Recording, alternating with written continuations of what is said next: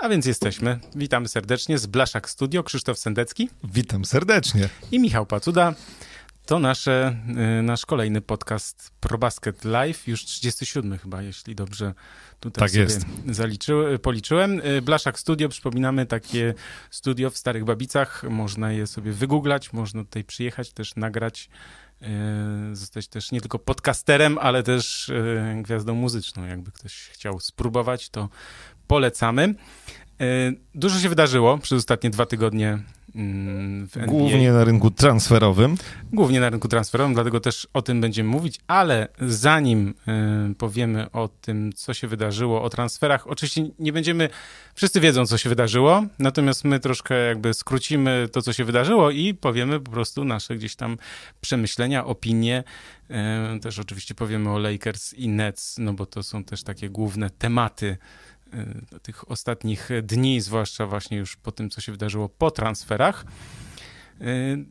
No jeszcze mamy tam parę różnych takich ciekawostek. Myślę, że nie będę ich teraz przybliżał i pozostawiam tobie, jak już taką mamy nową świecką tradycję, że zaczynamy od takiego, nazwijmy to, krótkiego podsumowania tego, co się wydarzyło, ale na parkiecie bardziej niż poza parkietem. Ciężko będzie momentami uciekać e, od transferów, bo już trochę tych nowych zawodników w nowych klubach zobaczyliśmy. E, Natomiast zanim zacznę, przypomnę, że oczywiście my czekamy na łapki w górę e, i wasze komentarze, i wasze pytania, i postaramy się na nie odpowiadać.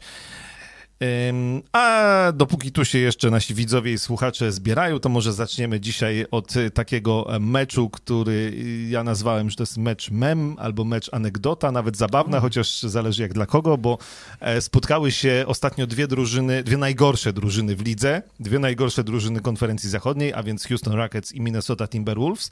E, No i tam doszło do mm, niesamowitej sytuacji. 7,5 minuty przed końcem Houston prowadziło 101,85. Przez te 7,5 minuty Houston nie zdobyło żadnego punktu. Minnesota rzuciła 22 punkty. Minnesota ten mecz wygrała.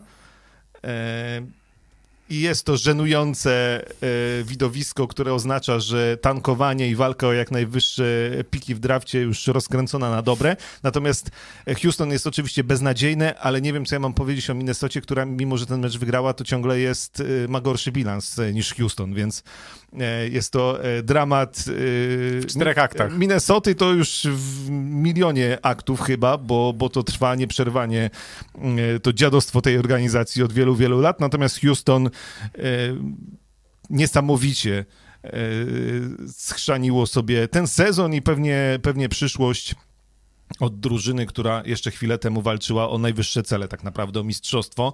W ciągu kilku miesięcy stała się takimi dziadami NBA, drużyną, takim pośmiewiskiem, a o Johnie Wallu to już mi się nie chce w ogóle rozmawiać, bo E, bo o, na przykład Karl, Karlu Antonym Townsie to mogę powiedzieć, że mi szkoda, że on się marnuje, taki zawodnik w takiej No, organizacji. Tak, ale wiesz, no z niewolnika nie ma pracownika, no zawsze może Natomiast powiedzieć, że chciałby no, Poprosić o może, transfer, no, może bo jakby- ja myślę, że w Minneapolis nic go dobrego nie czeka, natomiast, natomiast John Wall y, to, to aż żal patrzeć, bo, bo to jeszcze nie tak dawno była gwiazda NBA, a teraz y, to jest dramat. Natomiast przejdźmy do poważnych rzeczy. do poważnych rzeczy, słuchaj, bo już tutaj zostało wychwycone na, na czacie, że masz bardzo ładną bluzę New York Knicks. Tak jest, od y, Nike'a, więc... Y, Dziękujemy firmie Nike, tak jest, za e, sponsoring tutaj e, i nasze w- wsparcie nas. Ja też mam bluzę Nike, może nie widać, ale e, to jest taka, e, to taki bardziej elegancka bluza, można powiedzieć, w dziale yoga. Dobrze, ja tak, żeby zachować balans, bo dzisiaj będziemy mówić dużo o Brooklyn Nets, to, to ja ubrałem New York Knicks bluzę. y, żeby- Właśnie zamówiłeś e, New York Knicks, a nie, nie, nie, nie podłączyłeś się pod bandwagon? Nie, ja zostaję, wiesz, fanem Derricka Rose'a, więc mam nadzieję, że... I ja to szanuję. Tak, wiesz, niektórzy mówią, że Brooklyn to nie Nowy Jork, więc e, różnie to jest. Ale to o Brooklynie porozmawiamy. W ogóle tu się zaczęło e, od pytania, poczekaj, bo ja sobie muszę tutaj przewinąć na początek, bo tu już mam kartki moje mądre, które mi przeszkadzają, ale e, byle Brooklyn nie zdobył mistrza. Michał e, Bochnowski ten komentarz napisał na jeszcze kilka albo kilkanaście minut przed rozpoczęciem podcastu. Dojdziemy do tego, dojdziemy do transferu. Ale chcesz powiedzieć, że załatwimy, żeby Brooklyn nie... Nie, nie dojdziemy do tego tematu na razie. Dzisiaj, a czy zdobędzie mistrzostwo, to, to się okaże. Dobra, poważne rzeczy. Na zachodzie wciąż wciąż. E, Utah Jazz na pierwszym miejscu, e, wciąż wygrywają ostatnio sześć meczów e, z rzędu, wciąż wyglądają bardzo dobrze. Postanowili nie robić właściwie żadnych transferów. Chociaż tam jak czytałem analizy coraz bardziej dogłębne, no to podobno na czwórce, na pozycji, na której Royce O'Neal występuje, przydałoby im się wzmocnienie, jeśli gdzieś mamy szukać dziur. Natomiast Utah Jazz nie będziemy się powtarzać, to cały czas e, Rudy Gobert, czyli dobry center w starym stylu i tabuny strzelców, którzy rzucają za trzy punkty na potęgę. Wiesz co, mi się to wydaje działa. tutaj, tak, mi się wydaje, że to działa, że Utah Jazz jest taką typową drużyną koszykarską, to znaczy, że to jest taka trochę, można powiedzieć, że oldschoolowa koszykówka, bo tam wszyscy grają, nie skupiamy się na gwiazdach, Donovan Mitchell odpuścił i jak sobie myślę, bo powiedziałeś o tym, że przydałoby się jakaś zmiana, wiesz, to jest też kluczem w ogóle w budowaniu drużyny, żeby nie przekombinować. Bo jak przekombinujesz, no to potem kończysz jak, nie wiem, Clippers w zeszłym roku, tak? Tak, ja z Utah Jazz mam tylko jeden problem. Ja cały czas nie potrafię o nich myśleć jako o przyszłych mistrzach NBA. Ja również mam ten problem. Ale pewnie Donovan Mitchell ma na ten temat na przykład inne zdanie. E, Zapytamy Zobaczymy. przy okazji. Tak, być może w Salt Lake City y, jesteśmy świadkami budowy w Salt Lake City drużyny, która będzie mistrzem NBA. Musieliby utrzymać ten poziom. Wydaje mi się, że w playoffach to ciągle Donovan Mitchell czy Rudy Gobert to nie są zawodnicy, którzy są w stanie poprowadzić drużynę do mistrzostwa, ale może się mylę. W każdym razie na razie cieszmy się tym, co jest, y, tym jak gra Utah Jazz, tym jak rozwija się na przykład Jordan Clarkson, bo to jest y, też zawodnik, na którego tam warto zwrócić uwagę, jaki zrobił postęp, więc Utah Jazz cały czas pierwsze i już więcej o Utah nie mówię, bo y, co dwa tygodnie zaczynamy od Utah Jazz i co dwa tygodnie powtarzamy trochę to samo, więc dzisiaj były jakieś małe szpileczki, których gdzieś tam się doszukujemy, ale tak naprawdę czekam na Utah Jazz w play playoffach i to będzie ten prawdziwy sprawdzian dla tej drużyny.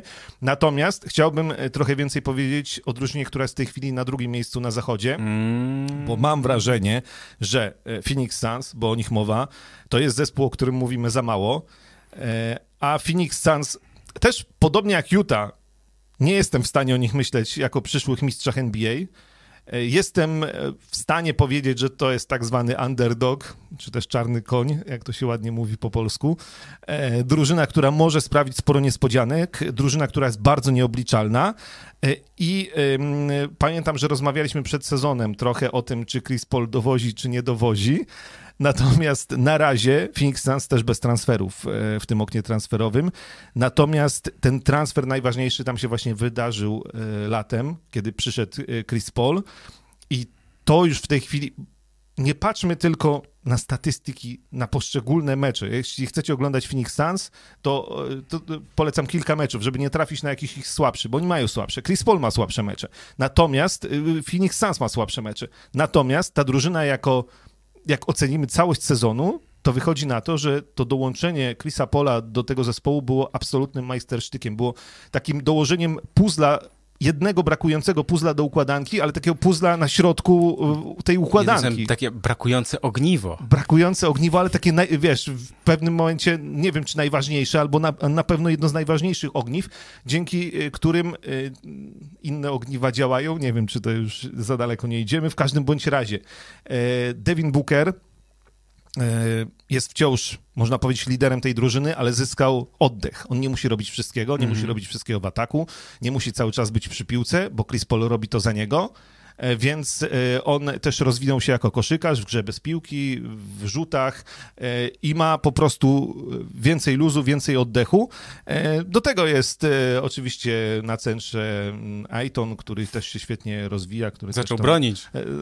Trochę, no ale też Devin Booker na przykład, dzięki temu, że ma trochę mniej się męczy w ataku, to też może więcej w obronie e, dać. Zresztą do obrony tam mają i Crowdera i, i, i tego Michaela, to, to, to... Michaela Bridgesa też, który, który tutaj naprawdę dużą, dużą pracę wykonuje. Tak, znaczy to, to wzmocnienie, właśnie to są takie małe rzeczy, tak? Znaczy Chris Paul był takim bardzo dużym e, wsparciem, natomiast Crowder to jest też taki zawodnik właśnie trochę też od czarnej roboty, tak?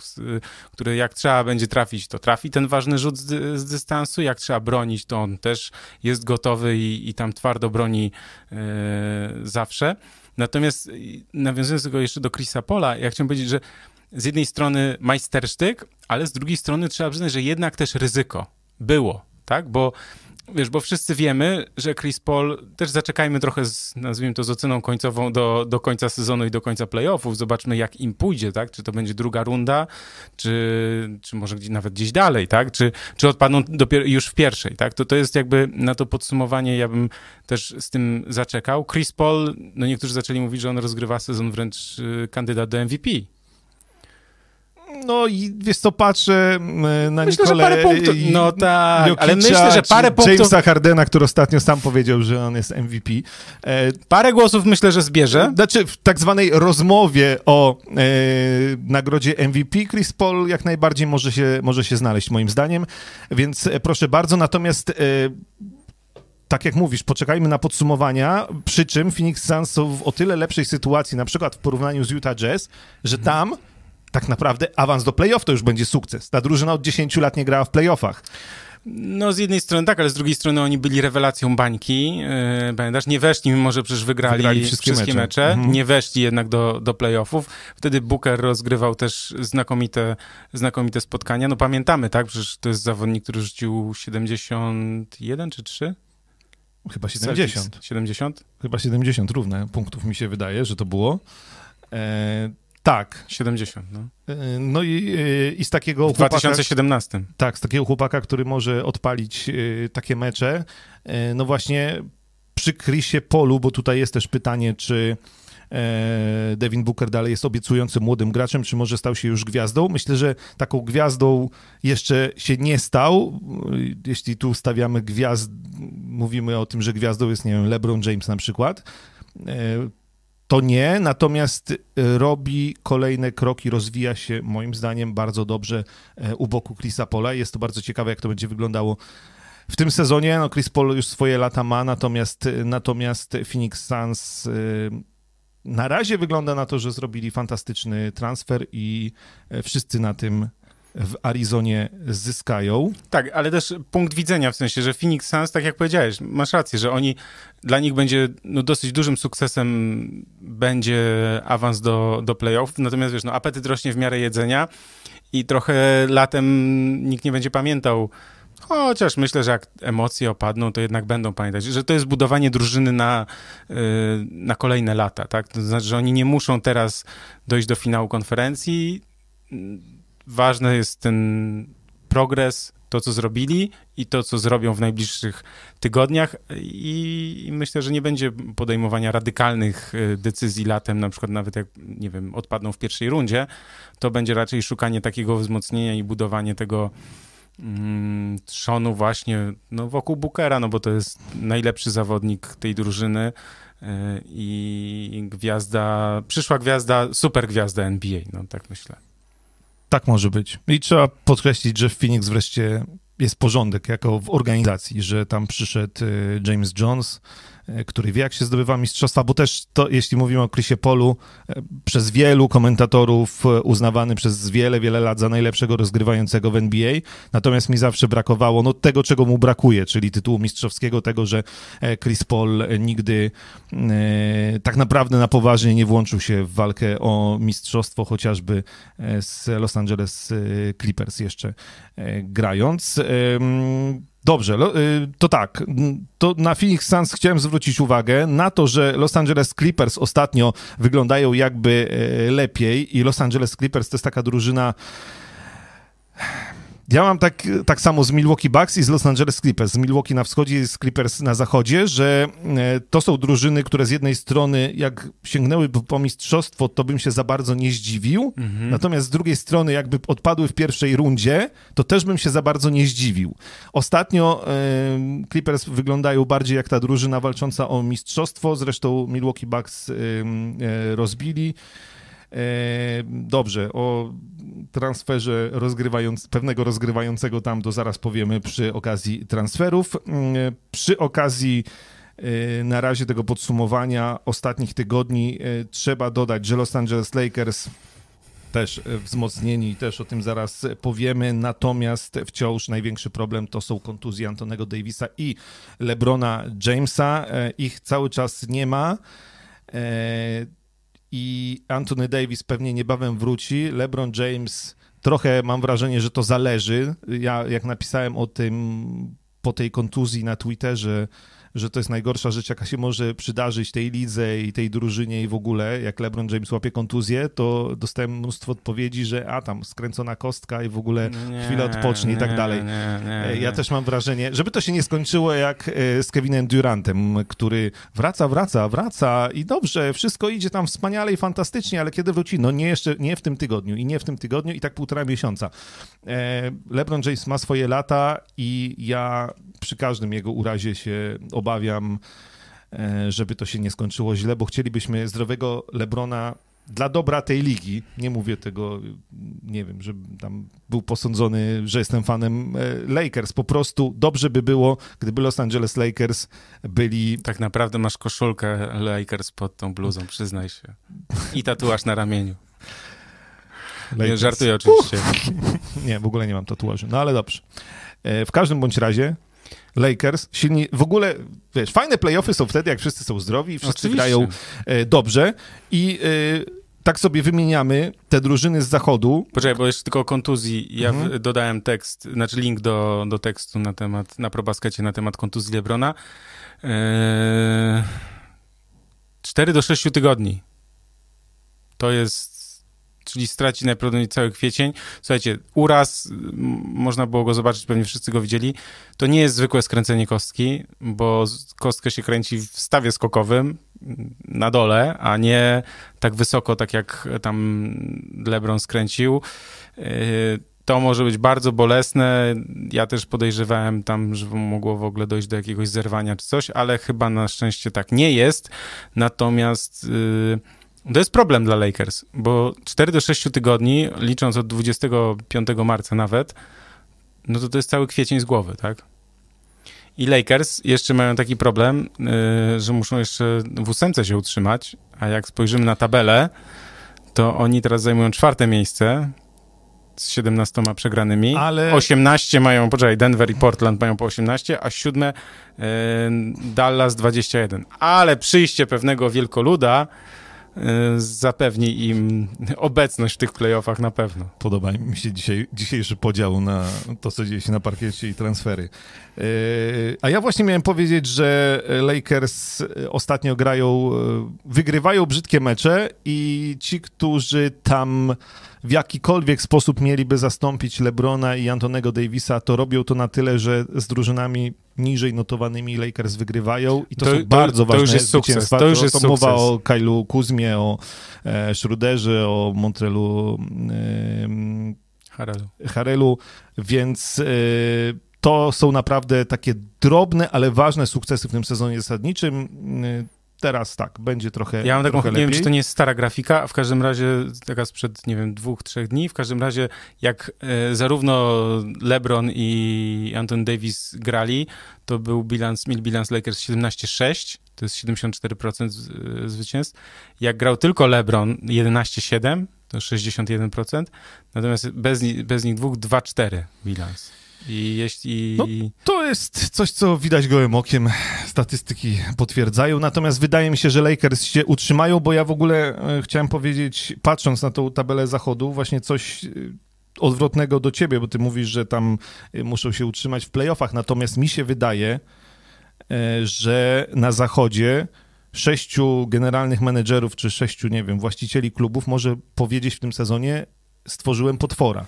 I to są te cztery drużyny wymienione. Oczywiście Lakers zdrowi, no, w tym znaczeniu. Mhm. Utah Jazz, Phoenix Suns, y, Los Angeles Clippers, Los Angeles Lakers, Denver Nuggets, y, chyba zwycięzcy okna transferowego i zaraz o tym też powiemy. Mhm. I Portland Trail Blazers wreszcie zdrowi, bo Nurkic wrócił e, do gry i też jeden transfer, który chyba jest, chyba jest okej. e, Bardzo. Dla nich. e, Też o tym zaraz będziemy w tym, w, tym, w tym momencie, tak? Bo sam transfer to różnie, ale dla nich, dla nich okej.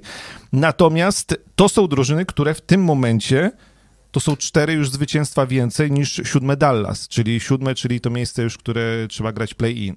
Pierwsza szóstka gra w playoffach z automatu. I też mam wrażenie, że Dallas ma swoje problemy, San Antonio e, też ma swoje problemy, Memphis e, nie jest taką drużyną, która by mogła z tą szóstką powalczyć i Golden State Warriors e, ze świetnym Stephem Currym i wciąż też mnóstwem problemów. To są drużyny, które przy w miarę sensownej postawie tej pierwszej szóstki, a na to się zanosi, nawet przy słabszych Lakers, oni do tej pierwszej szóstki nie wejdą, a muszą się oni oglądać za siebie, bo teraz tak, cztery tygodnie temu mówiłem, popatrzmy na Sacramento, a Sacramento wtedy złapało dołek, ale Sacramento wróciło. E, Darren Fox e, został wybrany graczem tygodnia i Sacramento pięć meczów z rzędu musiałem zerknąć ostatnich wygranych i już jest bliziutko, bliziutko za Golden State Warriors i tam straszy.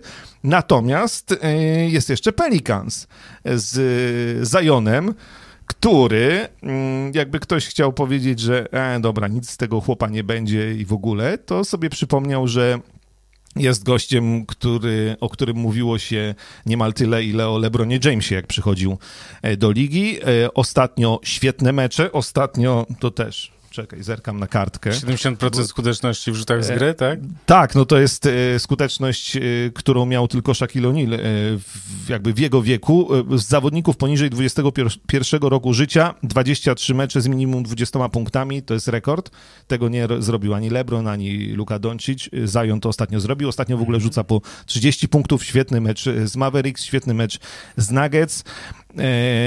I e, po tym meczu z Mavericks e, w ogóle trener e, Mavs Rick Carlisle powiedział, porównał go właśnie do Shaquilla O'Neala, tylko z umiejętnościami rozgrywającego, no bo oczywiście Zion jest nieco innym zawodnikiem niż Shaq, natomiast łączy ich ta niesamowita, ponadludzka siła, przy czym nie aż tak wielkich gabarytów jest jednak Zion jak Shaq, ale rzeczywiście te umiejętności, jeśli chodzi o kozioł, o panowanie nad piłką, o kreowanie kolegów, o grę twarzą do kosza e, są tutaj naprawdę, naprawdę duże. Oczywiście od początku samego martwimy się, czy to jego ciało wytrzyma te obciążenia. No właśnie, to jest pytanie, które To nam wciąż chyba otwarte będzie, tak, chyba będzie nam towarzyszyć przez najbliższe lata, no bo Na- to jest... Natomiast rzeczywiście Zion w takiej formie jak w tej chwili, no to jest ten chłopak, który ma podbić ligę i ma być jej gwiazdą w następnych latach, więc, więc tutaj Sacramento i Ale wiesz co, Nowy bo to już to nie będziemy wracać później do Zajona, to teraz chwilę o nim pogadajmy, Mhm. bo to jest też y, ciekawe, bo mm, Pelicans też muszą sobie odpowiedzieć na takie bardzo ważne pytanie, kto jest ich tak zwanym franchise player, tak, czyli najważniejszym graczem, takim liderem, no i pamiętamy, że oni przecież podpisali Brandona Ingrama na ogromne pieniądze i wydawało się, że to wokół Ingrama będzie wszystko, nazwijmy to, budowane, a teraz jest, y, no, pytanie jest takie, czy nie dojdzie do takiego, nazwijmy to, jakiegoś zmiany, zmiany budowy, nazwijmy to, koncepcji? I na przykład stwierdzą, że Ingram trochę nie pasuje do Zajona, jakby, żeby grali razem i na przykład stwierdzą, że Ingrama warto wymienić za kogoś innego. Oczywiście Ingram nadal rzuca, wiesz, po prawie tyle samo, tak? Bo teraz patrzę, 26 y, Zion, 20, prawie 24 Ingram, ale to jest takie ciekawe rozważanie, które mogą sobie też kibice Pelicans zadać. y, to w czy... ogóle pytanie, wiesz, o drogę rozwoju dla Pelicans, żeby No nie tak, tak, skończyli tak, tak, tak, jak tak. z Antonym Davisem, tak, gdzie tak naprawdę, no, No właśnie, e, to jest bardzo ważne. Wiesz, mając takiego gracza, e, zepsuli mu kawałek kariery i tak naprawdę no i niczego nie swoją, wywalczyli swoją historię siebie. też zepsuli, no. Tak. Swo- znaczy, z, z, pozbawili się sukcesu, nazwijmy to, tak? No, Mhm. Wiesz, no pamiętamy to przyjście Kazynsa, pamiętasz, w sensie, po- no, No, były takie były próby, próby, ale w końcu skończyło się oddaniem do Los Angeles Lakers Antonego Davisa i okazało się, że Antony Davis może spokojnie grać na najwyższym poziomie e, i zdobyć mistrzostwo i być... no to było chyba oczywiste. No, no zaraz przy okazji Dramonda myślę wróci ten, e, wróci ten temat. Kto o co może grać? Natomiast zerkam tu jeszcze, no tak, o Minnesocie i, i Houston to mówiłem. E, Pełna kompromitacja, idziemy po piki w drafcie. Natomiast jeśli jesteśmy przy pikach w drafcie i wymieniliśmy już wszystkie drużyny na zachodzie, oprócz Oklahomy, to uważaj, Oklahoma ma 34 piki w drafcie przez najbliższe 7 lat. Y, Całkiem niezła e, kolekcja. e, Ale nie możesz wziąć 34 zawodników z tego draftu, musisz, musisz je przehandlować. No, przy, przy, wiesz, rozłożone na lata to Nie, jest. no y, jasne, ale... Natomiast, y, natomiast no ciekawe, wiesz, ja nie jestem fanem generalnie budowania e, drużyn w taki sposób, że wymieniamy wszystkich i zbieramy piki w drafcie i teraz... e, To jest, można bo powiedzieć, to troszkę można- innowacyjne podejście. Wiesz, to znaczy, można to robić tak jak Golden State Warriors, bo ta drużyna e, z pierwszym pierścieniem to jest drużyna zbudowana na zawodnikach pozyskanych w drafcie. Steph Curry, Clay Thompson i to nie jest wcale z pierwszymi numerami, natomiast to było robione na spokojnie i to trwało długie lata. To trwało długie lata, ale y, wiesz, no, też masa szczęścia przy tym. No tak, dlatego to jest bardzo ryzykowne, e, bo jednak pik w drafcie, nawet wysoki, to jest, powiedziałbym, tylko obietnica. E, I Biorąc pod uwagę też to, jak bardzo mylą się skauci w NBA, tak, bo dokonują wyborów, które są często potem się okazują zaskakujące, tak, że nie wiem, w pierwszej z pierwszej dziesiątki nagle, nie wiem, trzech czy czterech zawodników nie robi w ogóle karier, a robią je z drugiej dziesiątki, czy nawet z trzeciej, tak, niektórzy nawet z drugiej rundy. Więc y, no chyba, że bardzo, bardzo, bardzo wzmocnili ten research tak zwany i, i są pewni, pewni swego. Chociaż ja myślę, że to jest nastawione na to, żeby teraz na przykład wykreować e, kilku zawodników, tak? Bo przecież wiemy, że Al Horford został e, odst no, odstawiony. do od, tak zwanego klubu Kokosa. Nie wiem, czy kojarzysz, bo to Tak. w Polonii Warszawa, ale piłkarskiej kiedyś Tak, było słynne. Więc, No, że on nie będzie grał. To, to jest, no bo ma kontrakt 50 milionów na Tak, dwa tak. lata i, i co, i, i nie wymienili Ale to jest, to jest też tak, y, zobaczcie też taką, taki no, no nowy trend, można powiedzieć chyba w NBA, że wcześniej za starej szkoły było trochę tak, że ci weterani byli potrzebni, bo oni pomagali zawodnikom, grali mniej na przykład. Co stoi na przeszkodzie, żeby Al Horford grał po 10 minut w meczu, czy 15? Jak i tak jest w formie treningowej i tak trenuje, mm, wiesz, usiąść potem na... Rozumiem, że go ogrywamy Oklahoma młodzież Mu płaci. płacą mu, ogrywamy młodzież, to niech on wyjdzie na plac na te 10 minut w meczu, czy 15, ale też potem ten zawodnik, który tam będzie, nie wiem, siada na ławkę, Horford mu coś podpowie. Zupełnie inaczej jest, kiedy zawodnik ma, wiesz, siedzi sobie w, w garniturze, czy w ogóle ogólnie nie, nie przebrany i coś chce powiedzieć, a inaczej jest, kiedy to jest zawodnik, który też gra w meczu. To też jest, zawsze jest też inaczej, inne podejście, inna percepcja, inne spojrzenie, inny, inna relacja, więc ja myślę, że że to jest, nie wiem, niedobry trend tak naprawdę w NBA, bo, bo lepiej grać z tymi starszymi u boku, niech oni grają mniej. Oczywiście ogrywamy takich graczy jak Moses Brown, 21 lat i tam, nie wiem, z, z 2,20 czy 2,18, to, Mhm. no ale no, nie wiem, czy to jest najlepsza droga, tak? Natomiast ja myślę, że też Thunder pójdą tak w takim kierunku, że teraz ogrywamy młodzież, troszkę powiedzmy ktoś zacznie, nie wiem, będzie rozgrywał dobry mecz, czy w ogóle dobry sezon, to potem go wymienimy, dołożymy piki i weźmiemy kogoś lepszego na przykład. Wiesz, że, że te piki będą za chwilę dla innych drużyn miały ogromną wartość. No i wtedy Thunder, y, wiesz, tak jak to się robiło kiedyś, ten, ten y, płaszcz, tak? I no proszę sobie Proszę wybrać bardzo. zegarek, proszę bardzo, tak. No więc jakby to może być koncepcja. Nie wiem, czy ona jest najlepsza, zobaczymy. No jest na pewno jedną z wielu, jakie można zastosować. Tak. Mm, a wracając na chwilę, bo tutaj e, Marcin Pankowski pisze, że chyba na teraz Lonzo odejdzie jeszcze na chwilę do Pelicans. Na razie a Lonzo tak. się uchował, e, Lonzo Ball, więc no zobaczymy. To jest też pytanie, no ale dobrze, to, to jest pytanie w, jaką, w jakim kierunku Tam pójdą. są jeszcze kontrakty, pamiętaj, że tam są kontrakty Adamsa, i czekaj, jeszcze chyba kogoś jest taki kontrakt na zasadzie, że o Jezus Maria. Eric Bledsoe, właśnie. Eric Bledsoe. Steven mhm. Adams 29,5 miliona w tym roku, Eric Bledsoe prawie 17 baniek. Także no też to trochę ich, im wiąże e, pewne możliwości związane z, z, ruchami, więc przedłużenie umowy z Lonzo Bolem właśnie może być problemem ze względu na to, że no, jest Bledsoe, jest Steven Adams i nie mamy z nimi co zrobić, bo nikt ich nie chce. E, co dzieje się z Durantem? E, zero info, kiedy wróci do gry. Co mu dokładnie jest? Czyżby wypadł z gry do końca sezonu? E, pyta A... Piotr Łukaszewski. To jest znakomite pytanie, aby przejść do I żeby wrzucić, wschodniej. żeby rzucić link do newsa, proszę bardzo. No, słuchajcie, chcielibyśmy wiedzieć, co jest z Kevinem Durantem. Ja sobie zapisałem uraz ścięgna uda, się to nazywa ta jego kontuzja i trwa już półtora miesiąca i cały czas słyszymy, że rehabilitacja idzie dobrze. E, natomiast e, kiedy wróci Kevin Durant? Niedługo. E, ale kiedy? No nie wiadomo. Więc... Su sun. Tak, więc ostatnio mm, Steve Nash powiedział, że nie w tym tygodniu, na pewno. No więc czekamy na następny tydzień, żeby zadać to samo pytanie, żeby dziennikarze e, zajmujący się NBA w Stanach Zjednoczonych zadali to samo pytanie i pewnie znowu usłyszymy, że. Poczekaj, teraz że PR-o, PR-owa gadka, uwaga, przetłumaczona jest na polski. E, przed nim wciąż kilka kroków, ale wygląda świetnie, czyni postępy i na pewno wróci do składu w tym sezonie. Po prostu nie uważam, że nastąpi to w tym tygodniu, powiedział Steve Nash. Plus dla Brooklyn Nets jest taki. Poczekaj, jeszcze tylko mhm. Jarancie.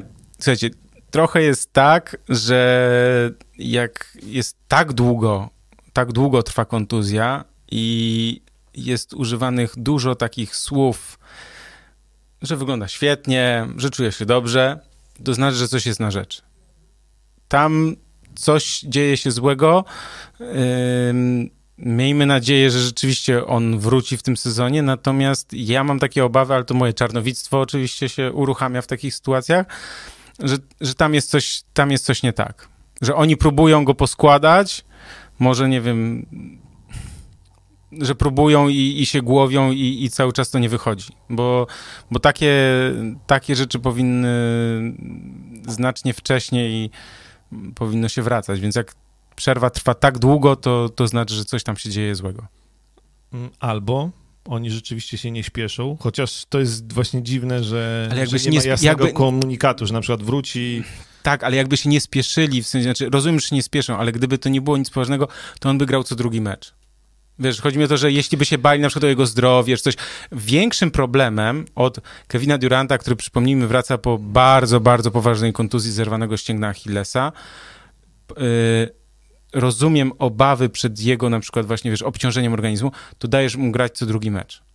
Natomiast wypadnięcie z gry, z trybu meczowego, wiesz, to jest ogromna strata dla samego zawodnika, bo on będzie też potrzebował chwilę, żeby, wiesz, złapać rytm. Oczywiście, że to są zawodowcy, on jest jednym z najlepszych zawodników NBA, więc on będzie potrzebował tylko kilku spotkań najwyżej, tak? A może w ogóle wróci w rewelacyjnej formie, ale, ale zobacz, że nawet Blake Griffin e, przyszedł, ponieważ nie grał przez miesiąc, to najpierw uczestniczył w paru treningach, tak? W takich na maksa intensywnych, bo musiał troszkę, wiesz, złapać, e, jak to się mówi, przewietrzyć płuca, no nawet chociaż, tak? Mhm. Więc y, to jest dosyć ważne, ja zwracam na to uwagę. No tak, tak samo jest z Lamarcusem Aldridge'em, że jakby powiedzieli, na razie musi dojść do formy, bo ostatnio w San Antonio e, nie grał przecież, więc... No, no tak, znaczy i nic nie zastąpi, słuchajcie, nic nie zastąpi tego, że będziesz tam biegał, w, że jesteś zdrowy i będziesz biegał w czasie wolnym, na siłowni, spędzał 5 godzin i tak dalej. Jak nie grasz w meczach,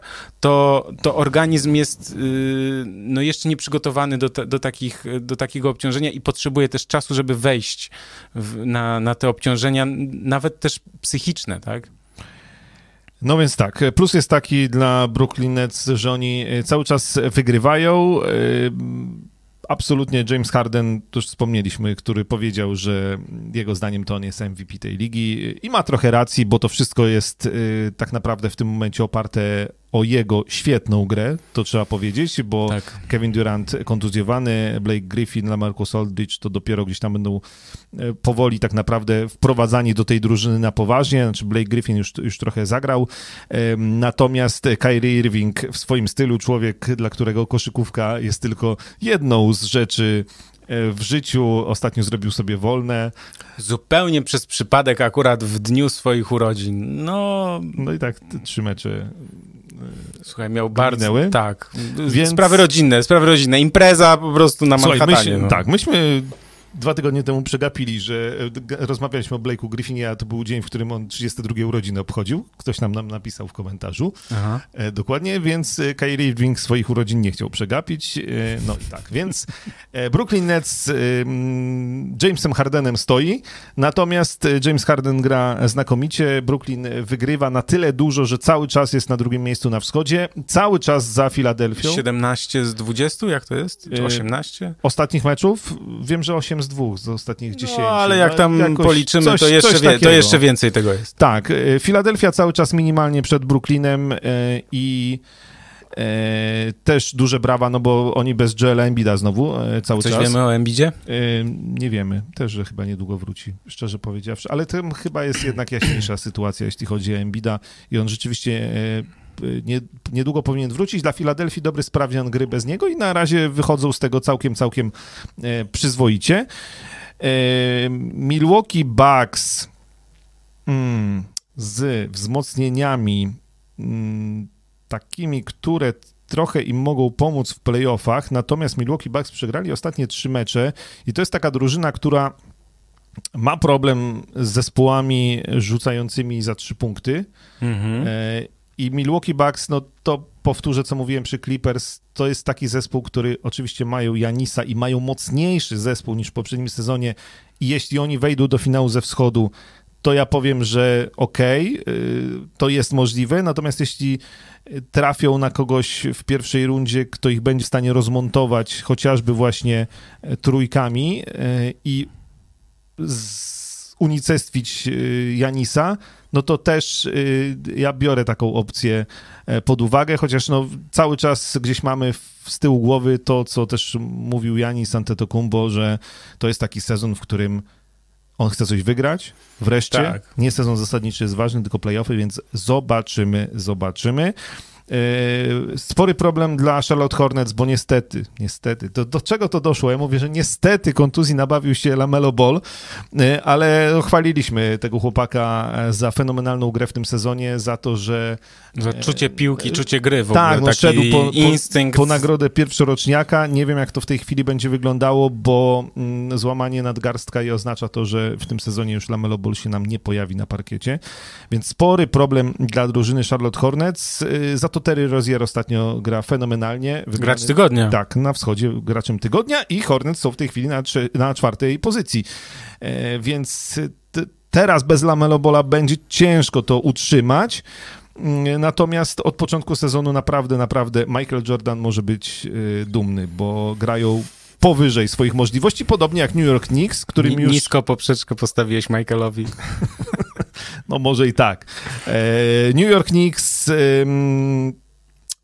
ostatnio nie mieli mocnych rywali może e, i grają przyzwoicie. Ja też, bo też wielu, wielu, wielu komentatorów e, wróżyło im, że po meczu gwiazd to już tak dobrze nie będzie jak do tej pory. Natomiast od meczu gwiazd bilans 5-4, więc oni tam trochę wygrywają, trochę przegrywają. E, na razie trzymają się na piątym miejscu, też dlatego, że e, spore wahnięcia formy są u ich rywali. Mm -hmm. Tutaj na zachodzie mamy taką, wydaje mi się, wyklarowaną pierwszą szóstkę, na wschodzie to jest bardziej rozciągnięte i tutaj jest większy ścisk, bo jest Atlanta, która odżyła po zmianie trenera. E, ale też gra w kratkę. Jest Boston Celtics, który już w tej chwili wypadł poza szóstkę e, pierwszą. E, to jest w ogóle zdumiewające. Tak, i znowu no, przy transferach też o, o Bostonie trochę, trochę powiemy. Bo to też jest drużyna, która gra bardzo w kratkę. Miami Heat, którzy wydawało się, że złapali mega formę, ale ostatnio wyglądają na bardzo, bardzo zmęczonych. Natomiast też brylantynowy pad podziałał ile mógł na rynku transferowym, więc oni cały czas groźni. Miami Heat mają Jimmy'ego Butlera, takiego lidera z krwi i kości. Oni to warto, warto powtarzać. 11-1 że... mieli bilans przed 17 tak. marca, a potem przegrali 6 meczów z rzędu i dopiero teraz wygrali z Nowym Jorkiem. No więc, y, no więc tak, to, tak to bywa, dlatego też trzeba o tym pamiętać. Zostało mniej więcej 25 meczów każdej z drużyn do końca sezonu. Mhm. To z jednej strony jest tyle, że jeszcze da się odrobić właśnie zaliczając taki run kilku zwycięstw z rzędu i naprawdę jeszcze kilka pozycji wskoczyć w tabeli. Natomiast z drugiej strony to już jest jednak niewiele. To już dwie trzecie sezonu jest za nami. Chicago Bulls Yy, aha, bo jeszcze jest y, Indiana, która mnie już na początku sezonu to jeszcze, teraz to już mnie w ogóle nie przekonuje. Natomiast... Jeszcze jak powiedzieli, że Sabonisa i Brogdona są w stanie nie, wymienić, to, to jest, jest jakieś Nie, tam coś, coś, jest nie ten i ja szczerze powiedziawszy, że Indiany wróżę, że może wypaść w ogóle z play-in i to byłaby jednak niespodzianka na minus. Chicago Bulls nie, no dobra, powiem zaraz e, przy transferach, natomiast y, oni zaczęli bardzo szybko, z, że tak powiem, nowym człowiekiem, czyli z Nikolą Wucewiczem grać, natomiast przegrali już dwa mecze i to w dosyć przekonujący sposób i to wcale nie z jakimiś mocnymi bardzo drużynami, e, bo z Golden State Warriors i z San Antonio. Y, tam jest chyba y, kończymy przygodę z Lauri Markanenem. Nie udało się go wymienić, natomiast on został w składzie, aczkolwiek ja tego nie widzę, co on miałby tam robić. Rzucają za trzy punkty fatalnie. Mam niestety wrażenie, wzmocnione po tych dwóch meczach, może mnie panowie Wucewicz i Lawin przekonają, że tak nie jest, natomiast że to może być drużyna, w której tych dwóch wspaniałych dżentelmenów będzie nabijać statystyki, a ten zespół będzie przegrywał. Istnieje takie taki scenariusz, takie prawdopodobieństwo jest nawet dość wysokie. No tak, bo jak ściąga się jednak do siebie All-Stara, to, to tutaj Chicago miało wędrować bardzo szybko do pierwszej szóstki, może nawet, a na razie zaczęli od dwóch porażek. E, Toronto Raptors chyba jednak powoli trzeba spisywać na straty, e, bo mm, no nie oddali Kyla Laurego w końcu. Natomiast tutaj chyba jest coś, co będziemy powoli nazywać przebudowa i to się powinno pojawić w Toronto. Mam wrażenie, że Pascal Siakam to nie jest zawodnik. Wydawało mi się, że to jest drużyna, która będzie dobrze grała w sezonie zasadniczym, mhm. niekoniecznie w playoffach. Oni też Natomiast... mieli dużo problemów z COVID-em, nie, nie? więc nie, jakby nie. ta nieobecność też y, no, dużej liczby graczy w co najmniej kilku spotkaniach, to jednak y, Wiesz, no, to im trochę przysporzyło problemów, natomiast no rzeczywiście, no, Pascal Siakam świetnie, bo 20 punktów na mecz, ale jednak to nie jest zawodnik, który... Lack leadership tak zwany. Tak, no. który poprowadzi tę drużynę do wielkich, do wielkich rzeczy. Nie w tym sezonie. No dobrze, zostawmy to tak, bo ja mam jakieś odczucie, że nie tylko nie w tym sezonie. Natomiast w walce o playoffy jeszcze ciągle są Wizards. Było tutaj, była o Jezu, prośba. całe szczęście. Była prośba o to, żeby powiedzieć o epickim występie Russella Westbrooka. Westbrook żyje, proszę pana, i ma się nie wiem, czy mogę powiedzieć dobrze, ale przyzwoicie. E, ostatniej nocy mm, e, zwycięstwo i niesamowite, mocarne triple-double, 35 punktów, 21 asyst i 14 zbiórek i to było już jego 16, 16 triple-double w tym sezonie. Pobił rekord y, organizacji, czyli Washington Wizards w najkrótszym czasie 16 y, triple-double zaliczonych. Y, natomiast grali bez Brandleya Billa w tym meczu zawodnicy Wizards, więc to też jest ciekawe, jak sobie Westbrook, Westbrook radzi. Natomiast no też chwalony przez trenera po tym meczu, że wciąż popełnia sporo strat, wciąż zdarzają mu się błędy, mm -hmm. natomiast walczy. E, no i ja o, ostatnio, o bo poruszyłeś ten temat. Ostatnio obejrzałem jeden z materiałów na ESPN, który właśnie była rozmowa o Russell Westbrooku i on, słuchajcie, jest Russell Westbrook e, jest jednym z najbardziej atletycznych, nie wiem, rozgrywających w historii NBA, takim jeśli chodzi o tak zwane power dunki, czyli takie wsady z na pełnej, wiesz co, to, to to jest jeden z takich zawodników, który no, niesamowity, dynamit w nogach, on wciąż to, on wciąż to ma, bo to, on to pokazuje też w tym sezonie. Natomiast jeśli chodzi o zwycięstwa, o wygrywanie, to on po prostu jest, no, z tego moim zdaniem już nic nie będzie, tak? Bo on ma chyba 32 czy 33 lata i w tym sezonie, w tym roku i skończy i słuchaj, z tego nic nie będzie, bo on miał w, przy swoim boku, nazwijmy to, kiedyś miał Hardena i Duranta, yy, miał Paula Georgia, miał Wiktora Oladipo, Carmelo Antonego, Sergia Ibakę, tam yy, wymieniać by można długo, yy, Chrisa Pola, yy, tak? Dobrze mówię? Dobrze mówisz, no, no, no. No wiesz, poczekaj, bo tak się zawiesiłem, w sensie, żeby powymieniać tych zawodników, z którymi on grał w jednym zespole. Jamesa Hardena potem po raz drugi, tak? Przecież w Houston. Mhm. Zresztą trochę jest też tak, trochę miał pecha moim zdaniem, bo mam takie poczucie, że w zeszłym sezonie, gdyby nie został przerwany przez COVID, to on byłby jednym w ogóle z kandydatów do MVP, bo, bo przed przerwaniem sezonu to on w ogóle grał rewelacyjnie. Potem ta bańka przepraszam, wiadomo, trochę mu gdzieś tam, nie wszyscy byli przygotowani i tak dalej. Natomiast, no, rzeczywiście, kurczę, no, tam będą, Russell Westbrook będzie rozgrywał wciąż takie niesamowite mecze, natomiast, no, fakt, że po prostu ta drużyna nie wygrywa, no, on w pierwszych rundach playoffów odpadał przecież bez Duranta, e, no ja już się szykuję, bo tu jest taki zakład, nie wiem, pewnie nie wszyscy wiedzą, bo my przed sezonem się założyliśmy. Ja powiedziałem, że jak Wizards nie wejdą do playoffów, to robię 10 pompek. No jestem przygotowany. Już, już niestety, w sensie jestem już przygotowany. Już, już potrenowałem i chyba dam radę. No. E, dobrze, a i bo chyba w końcu nie powiedziałem, jakby ktoś przegapił, to e, ten mecz Wizards z, z tym triple-double Russella wygrali jednak z Indianą, więc to nie tam z ogórkami jakimiś, tylko... 70 mm, z... meczów w sezonie, wiesz. Nie, no ja, oczywiście, oczywiście. E, powoli Cleveland e, już skreślamy, Orlando Magic sami się skreślili, mm, Detroit Pistons najgorsi na wschodzie, ale jednak 12 drużyn jakby nie było na wschodzie wciąż zainteresowanych grą w playoffach, więc mm, całkiem, całkiem nieźle. Czy my już przechodzimy? Bo, słuchaj, tu słuchaj, są takie no. insiderskie pytania, na przykład, co myślicie o Alperen Shengun? No?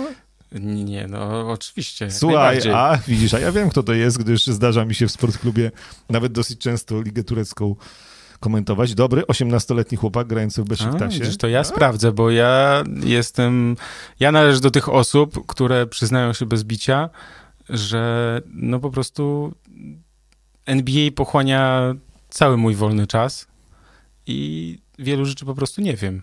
Ostatnio widziałem, że piłkarze grali nasi, więc jakby... O, widzisz, jutro też y, grają, więc... To już wiem, bo cię zapytałem, czy grają dzisiaj, czy będziemy mieli dużo osób nie, e, jutro, nieobecnych. Jutro, jutro, gramy z Anglią tak.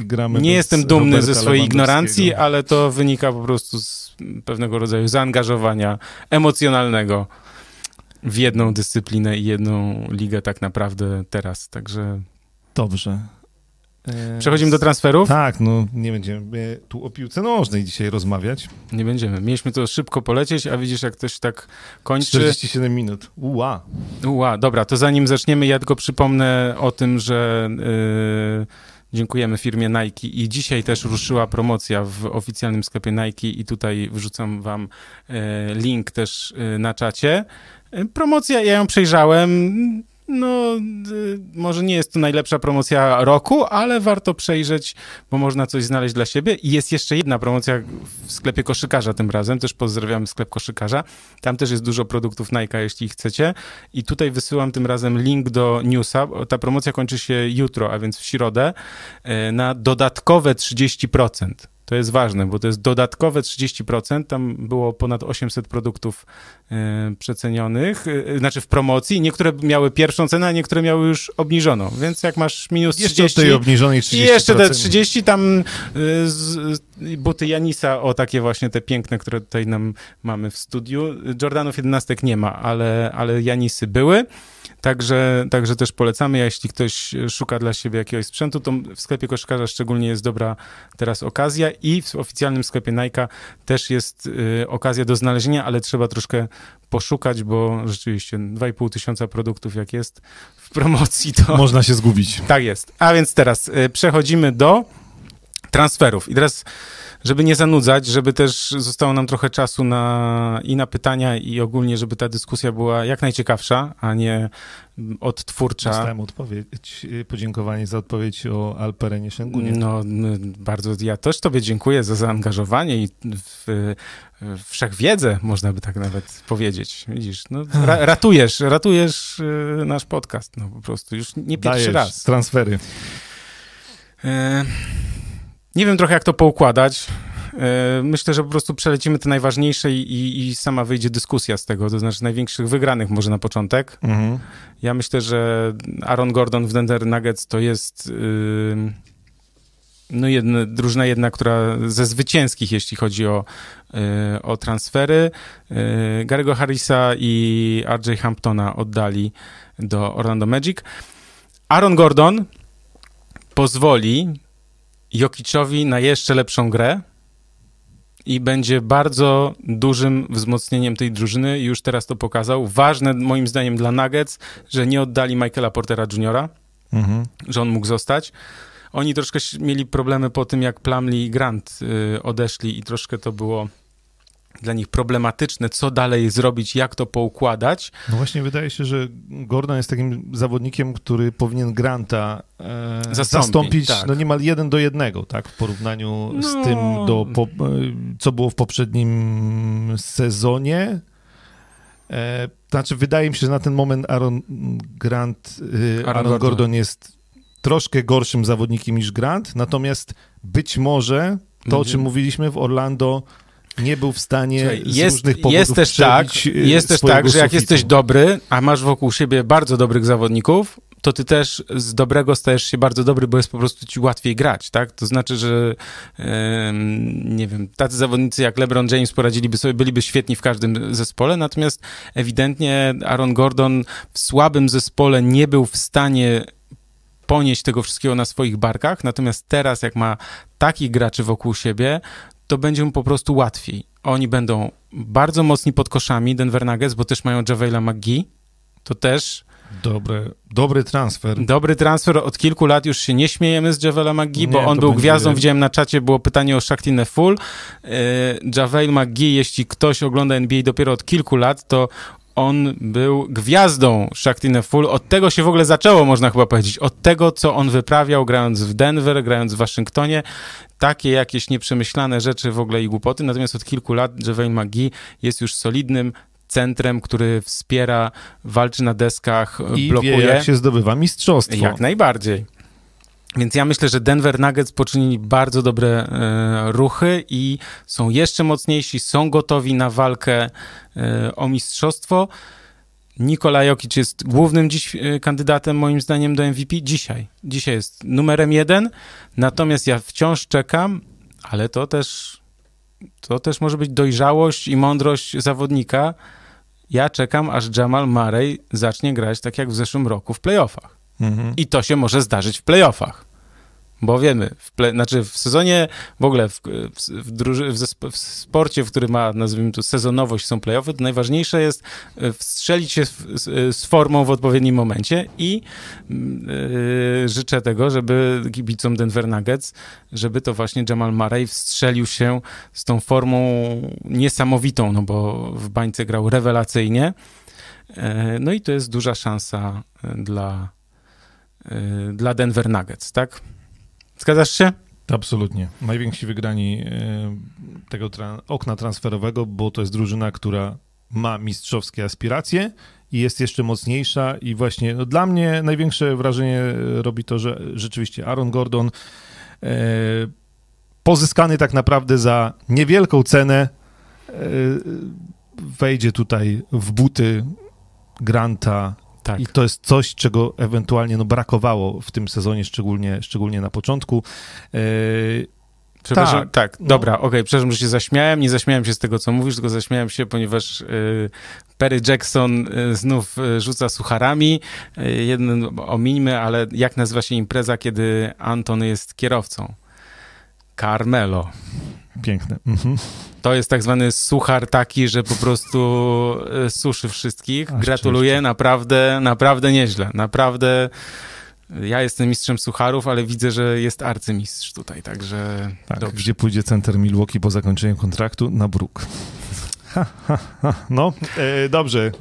Kto tam jeszcze wygrał? Wygrał. No właśnie, ale poczekaj.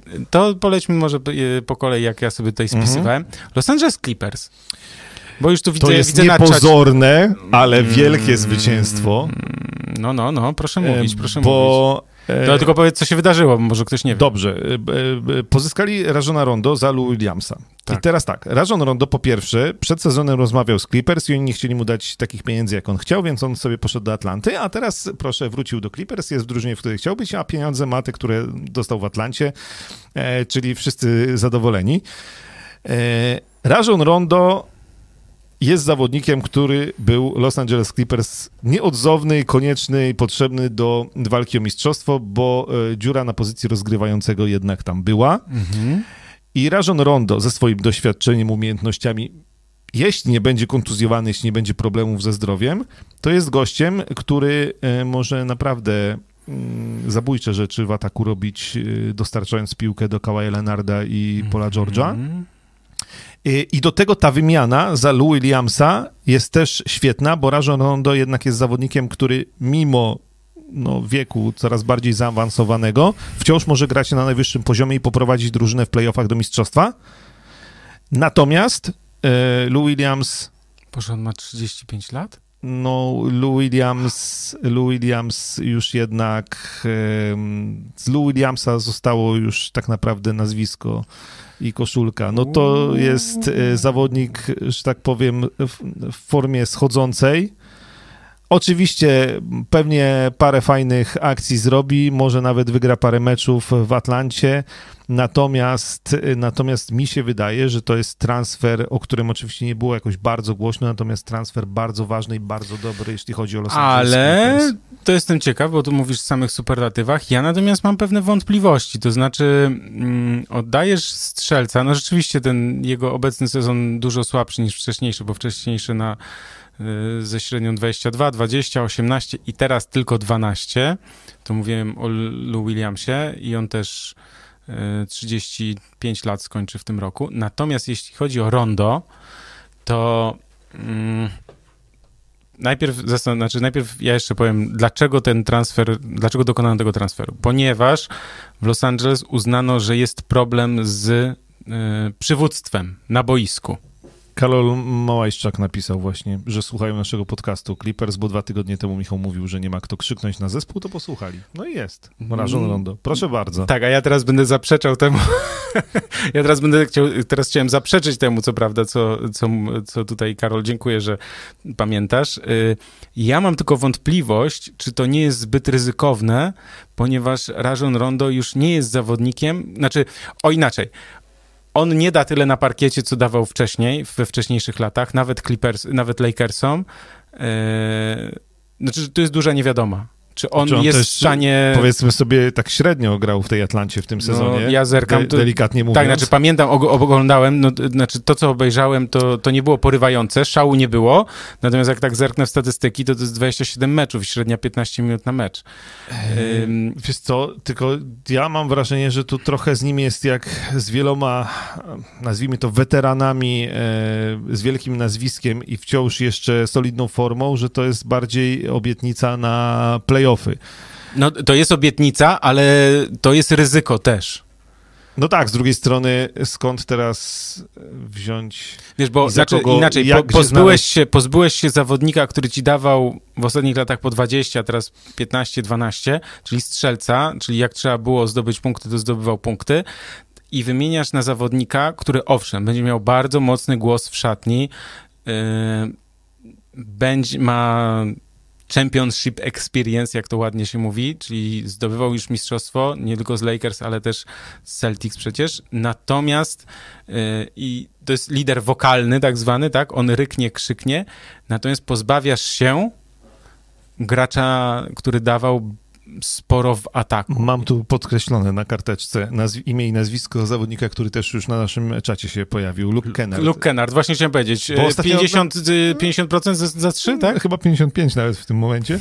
E, I widziałem ostatni mecz, nie cały, ale, ale tu jego popisówkę trójek, strzelec wyśmienity i robi ogromne postępy. Ja się nie obawiam. Znaczy, wydaje mi się, że w Los Okej. Angeles Clippers jest wystarczająca liczba ludzi, którzy potrafią strzelać e, i bez Lou Williamsa, który, tak jak mówię, mnie już nie przekonuje. E, dla mnie Lou Williams może dać pojedyncze fajerwerki w tym momencie. Natomiast Rajon Rondo, jeśli to wypali, to ja bym też ten, e, ten transfer przeprowadził i zrobił i go ściągnął Okej. do siebie, bo e, kilka rzeczy może Rajon Rondo naprawić od właśnie bycia liderem poza No tak, parkietem. zwłaszcza, że jest jeszcze Reggie Jackson i Nicolas Tak, Batum, tak, tak? tak, tak. okej, Więc no. jakby, y, jakby ja to rozumiem i myślę, że, że tym tropem poszli. y, Czyli poszli, tropem, czyli poszli tropem takim, że dobra, poświęcamy punkty grę w ataku, jak to, co nam dawał Lou Williams, bo ci zawodnicy, tak jak mówisz, Kennard, czy Red Jackson, czy Nicolas Batum, bo Patryka Beverly nie będę wymieniał jako gracza ataku, że oni nam to dadzą, natomiast Rondo nam da to wszystko, czego nie mieliśmy. Tak zwany X-faktor dodatkowy. Ja nie liczę, że on, wiesz, Rajon Rondo nie będzie im wygrywał Nie, meczów po kolei w rozumiem. sezonie zasadniczym. Rajon Rondo ma im dać to, co dał w paru Dobra, meczach rozumiem Angeles Lakers. koncepcję. Uważam wciąż, że jest ona ryzykowna i że można się na niej przejechać, aczkolwiek no, na, tym jest, na tym polega ten sport. To są szachy też, w sensie trochę też takie, jeśli chodzi o budowanie drużyn, koszykarskie szachy. Ryzykujemy, tak? W, w tym sensie, że właśnie wychodzimy z takiego założenia. Oddajemy Lou Williamsa, bo ci nam dadzą to, czego nie będziemy mieli, natomiast zyskujemy, nawet jeśli nie będzie w formie playoff rondo, tak? To, yy, bo playoff rondo, wiesz, to tak jest jego drugie, jego drugie imię, tak? Da nam to wszystko, co, czego nam brakuje poza parkietem. Okej, no Ja kupuję tą teorię okej, no i dobrze. uważam, że Clippers na tym zyskali. Dobrze, wszyscy się zgadzają? Łapki w górę, jest, lajki są? Kogo masz następnego na liście? Następny na liście mam Miami Heat. To jest y, transfer... Mm, Potem musimy powiedzieć. mów.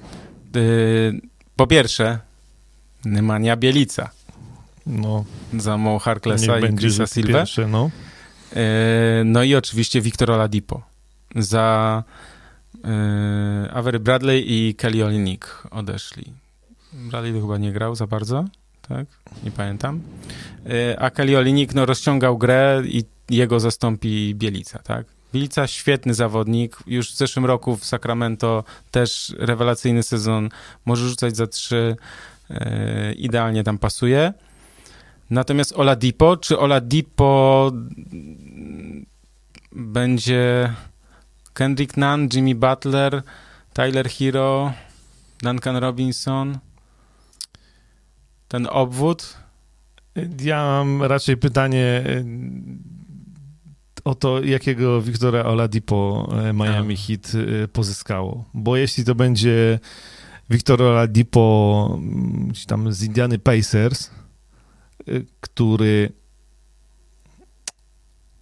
będzie grał tak jak kilka sezonów temu, no to tutaj zyski są absolutne i tutaj na tym Miami może tylko wygrać. Tylko ja się trochę obawiam, że Wiktor Oladipo jednak y, i y, po kontuzji, i po tej nieudanej przygodzie z Houston, i po tych opowieściach, że on to chce grać w Miami, gdzie wszystkie media o tym pisały, bo też w ogóle czytałem taką teorię, że nikt nie chciał Wiktora Oladipo y, w ogóle wymieniać, do siebie zapraszać, Bo- bo, bo wszyscy przewidywali, że i tak latem on będzie chciał podpisać z Miami Heat.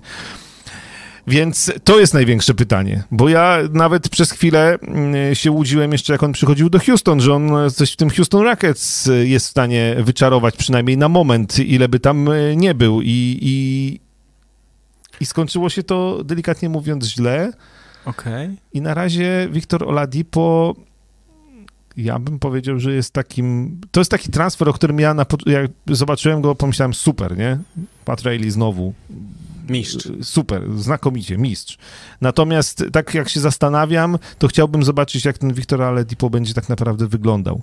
Jak on się wpasuje w tę drużynę, jak on będzie współpracował z Jimmy Butlerem jako jednak liderem tej drużyny. Mhm. E, I, I tu jest dużo pytań o formę, Dobrze. w której jest A ja Victor teraz, Oladipo. teraz słuchajcie, jest też tak, że na formę i to, jak dany zawodnik gra, wpływa też jeszcze coś, czego nie widzimy na parkiecie, a tak zwane powszechnie pożądane szczęście. Szczęście osobiste. Jeśli mamy zawodnika, który trafił do Houston, no pr- prawie że na zesłanie, no dobra, porzucał tam po dwie dychy, średnio, ale drużyna przegrywała. Obok John Wall, szalony, ta drużyna też posklejana, w ogóle nie wiadomo z czego i tak dalej. Nie wiadomo o co jej chodzi, jaki ma cel i nic nie wiadomo. I zwalniamy Kazynsa. To Oladipo mówi, Jezus, jak tu grać? W ogóle w co tu grać? Z kim grać? I tak dalej. I nagle jak trafia do drużyny, w której jest po prostu happy, z którą jeszcze, pamiętam jeszcze jednej rzeczy. On la- latem, tak? Kończy mu się umowa? No to trzeba wystrzelić z formą, żeby te dolary wpadły do kieszeni. Tak, no to jest argument. To jest zawsze taki mo- motywacja. No i też jakby cena za niego na ten moment no to była taka, że wiesz, to w, jak w transferze bierze udział Houston Rockets w tym sezonie, to na bank Houston Rockets najgorzej na tym wychodzi. To jest w ogóle zdumiewające, bo jak policzymy, jak dodamy do tego ten wcześniejszy transfer Oladipo, to Houston Rockets tak naprawdę oddali em, No jeszcze oni mi, mogli mieć Carissa Leverta tak, albo Jareta Allena, albo Jareta Allena. a oni tak A naprawdę te- oddali, mają, e, tego, Kelly'ego Olenika mają. czyli jednym słowem wymienili Jamesa Hardena, za, No, mniej więcej. no to myślę, że to, Grubo. że to nawet y, w żartach bym tak nie zaproponował takiego transferu. No. Nie, no jest. Houston mamy problem, zdecydowanie. Natomiast y, Oladipo, oczywiście, cena promocyjna, jakby właściwie mm, za nic, chciał tam grać, więc go ściągnęli. Co z tego będzie, nie wiem, aczkolwiek no dużo na tym Miami Heat nie traci, a może zyskać bardzo dużo, więc, więc tak. Aczkolwiek jak porównam to z transferami, o których mówiliśmy wcześniej, to y, to w czołówce Miami Mhm. y, tego okna transferowego, natomiast y, nie najwięksi wygrani. Dobrze, jest pytanie od Demarcusa Kazynsa. Chiny. Chiny, a nie Boston? Może Bos- o, w Bostonie by się przydał. Bo gdzieś, gdzieś coś takiego było. O, Celtics zainteresowani. Paweł Mazur to pisał e, wczoraj na ProBaskecie. Już rzucam link. Uwaga. Cyk. Poszło. E, no ale to tylko, to jakby nawet jeśli trafi do Celtics, to przepraszam, ale... No to już mówiliśmy o Kazynsie, tak? Nie, nie będziemy się Mhm. powtarzać. To jest zawodnik, który nie wiadomo do jakiej drużyny by miał pasować. Dużo mówimy o zawodnikach, e, których nie wiadomo. E, Co z nimi zagadką. zrobić? Co z nimi zrobić też, też, tak? tam e, kontuzje swoje o, piętno odcisnęły także na Ale też styl ale gry. Też styl gry, który Tak. e, tak jest taki, a nie inny. E, Lecimy dalej. lecimy dalej. Chicago Bulls. Chicago Bulls y, zrobili coś, czego się chyba nikt nie spodziewał, znaczy może bardziej Orlando Magic, bo myślę, że jednak nie spodziewaliśmy się tego, że w tym oknie transferowym Orlando Magic rozdadzą całą drużynę za piki w drafcie. To znowu jest dyskusja o tym, jak budujemy drużynę e, i wydaje mi się, ja się będę, ja rozumiem, że oni chcą budować od nowa, e, że oni e, przestali wierzyć w to, że Aaron Gordon i, i Wucewicz mogą ich poprowadzić do czegokolwiek powyżej pierwszej e, rundy playoff. Natomiast oddanie jednak All-Stara tegorocznego za piki w drafcie to jest dla mnie cena troszeczkę za mała. Mhm. E, I ja się będę tego trzymał, mimo że, znaczy, bo tam e, piki w drafcie oraz e, Wendell Carter Jr. także z Chicago Bulls. No i to jest taki zawodnik, Od, który... Jeszcze Otto Porter Jr. No dobra, ale to on tutaj jest jakby do wyrównania bilansu, tak? Natomiast Wendell Carter Jr. ma 22 lata i powiedzmy, że się wpisuje w nowe Orlando Magic. On może zostanie w tej drużynie, a ludźmi z draftu będziemy ją uzupełniać e, i tak dalej. Natomiast mnie to trochę właśnie przeraziło, że nikt się tego nie spodziewał. Że nie wiem, czy to jest, czy to było wcześniej dużo planowane, bo wydawało się przed tym sezonem, że Orlando Magic jeszcze raz spróbują powalczyć o playoffy, o dobrą pozycję, o to, żeby coś w tych playoffach osiągnąć. Natomiast, yy, natomiast no już wiedzieliśmy, Odpuścili. że to nie idzie. Yy, I tam wydaje mi się, że szybkie decyzje zapadały. Mhm. Więc rozdana cała drużyna. Przyszedł Wucewicz do. To pogadajmy o Chicago, bo to Chicago Orlando, Bulls. znaczy Orlando, bo tam jeszcze Fournier poda, poszedł do Celtics, tak? A wiesz, jak zaczął? Yy, no ja, opowiedz, bo- 0-15 w pierwszym meczu. Widziałem tylko tytuł na probaskecie, że fatalny debiut, Ej, to, jest, ale... to jest świetny strzelec, ale Mm. 0 na 10 za 2 i 0,5 na, za 3 i 0 punktów. E, e, e, tak powiem. God damn. Nie, py, nie pykło. Ale nie, ale Fournier. Gorzej niż John Starks w finale NBA Houston Ale Nowy. Fournier będzie dostarczał punkty Celtics. To akurat jest niezły, niezły też transfer, bo to jest też bardzo dobry i mądry, inteligentny zawodnik z dobrym rzutem. Natomiast, y, natomiast dobrze, porozmawiajmy o Chicago Bulls. Tak, Wucewicz to jest raz, dwa Daniel Tice. Daniel Tice i Mo Wagner z Wizards. To jest zawodnik, którego ja bardzo w sensie doceniam. Trochę, ja myślę, że on może zastąpić Markanena, którego puszczą, spuszczą. Może. Znaczy w Chicago Bulls jest przede wszystkim taka sprawa, że po pierwsze, to o czym już wspominaliśmy tutaj trochę, bo już dwa mecze ich e, widzieliśmy przegrane, e, Nikola Wucewicz i Zaklawin muszą udowodnić, że są ludźmi, e, którzy są w stanie wygrywać, a nie Mhm. tylko nabijać statystyki w słabych drużynach. E, I ktoś tam musi bronić. No bo umówmy się, Wucewicz, Chętnych brak. Wucewicz no jak na Usprawiedliwienie mają, to nieobecni, no. Jest, jest All-Starem, tak, z tego sezonu. Jest jednym z najlepszych centrów w tej lidze, ale też jak sobie porównamy go z tymi innymi najlepszymi centrami, no to nie wytrzyma e, z żadnym, szczególnie jeśli chodzi o obronę, obronę No nie, no to jest gość, który piękne cyferki nam tutaj wykręca. i tak dalej. W Mhm. ataku wspaniale. On rzuca za trzy, rzuci z pół dystansu, wszystko zrobi. Wrzuca, zbiera, podaje, gracz kompletny. Natomiast w obronie, e, no nie, Zaklawin to też umówmy się, że w obronie to tak sobie.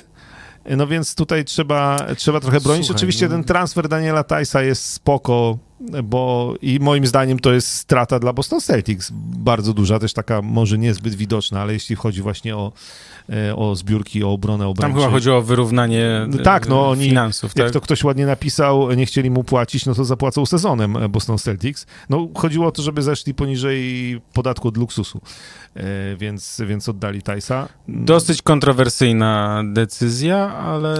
No i Boston, no powiem ci, no tak jak mówiliśmy, mocno w kratkę, natomiast No Chicago, Chicago, bo No, wiele osób no. się zachwyca tym, tym transferem i nawet jak ja tak napisałem na prowaskadzie to podsumowanie, takie tam najważniejsze ten, no i też że... się zachwyciłem na początku, No okej. a później obejrzałem dwa mecze Chicago. Na, wiecie co, znaczy to jest, ja rozumiem, że to jest transfer, który ma dać nadzieję, w sensie, że Lawin nie odejdzie, tak, tylko potem przedłuży tam za rok chyba kontrakt, że wokół teraz budujemy drużynę, właśnie mamy dwie gwiazdy, że w końcu będzie miał ktoś, kto grać To z jest jeden Lawinem. problem jednak, y, w- który jakby też dla mnie mm, trochę mm, jest wytłumaczeniem decyzji Orlando. Wucewicz ma 31 lat w tym roku już. On już młodszy nie będzie. A ja mam jeszcze jedną statystykę, bo ja, gdzieś mi przeleciało tak zwany, jest taki profil Crazy Stats na, na Facebooku i na Twitterze i on wrzuca różne takie magiczne cyferki. Czasem nie mogę tego zweryfikować, więc mi to jest trudne. Natomiast teraz jest taki wskaźnik plus minus.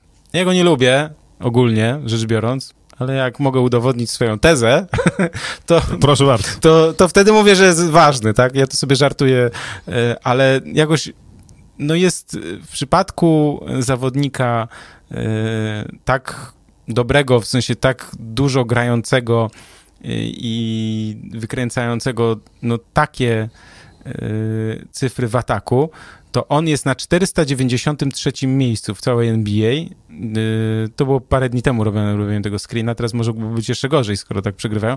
Minus, No, był- 6, minus 6,3 punktu. Był z Lawinem, wydaje mi się, w obu tych ostatnich meczach przegranych. Na obaj byli minusie. 493 miejscu, ja go tutaj sobie zapisałem, minus 6 średnio, tak? Ten. Mhm. Jeśli chodzi o zawodników, którzy rozegrali więcej niż 20 meczów.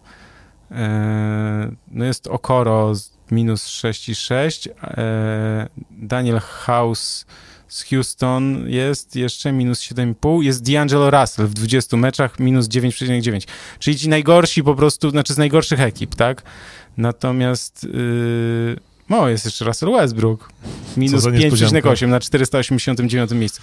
To jest oczywiście taka statystyka, no, ja to tłumaczyłem, tak? W skrócie jest tak, że jakbyśmy byli na boisku razem, jak ty byś puścił gościa dwa razy, wiesz, na lejapa w sensie za darmo, to ja też mam minus 4 punkty, tak? Więc ona jest trochę też nieuczciwa wobec tego, że nie pokazuje, no bo jaka jest wtedy, nie wiem, moja wina, albo jaka byłaby twoja wina, jakbym ja puścił, tak? No nie mogłeś nic zrobić, bo nie wiem, stoisz 4 metry dalej, no jak, jak miałeś pomóc nawet, tak? Więc jakby, ale jednak mimo wszystko u zawodników, którzy grają dużo, no stanowią to... o sile zespołu, zespołu, to jednak jest to wskaźnik, na który trzeba by czasem zwrócić uwagę, patrząc na całość oczywiście, a nie tylko się skupiać na tym. Natomiast jest to gdzieś też to udowodnienie tej tezy na temat no, tej obrony, tak, odpuszczania. No, no w ogóle jest taki problem w tych no, niektórych zespołach, takich jak Chicago Bulls,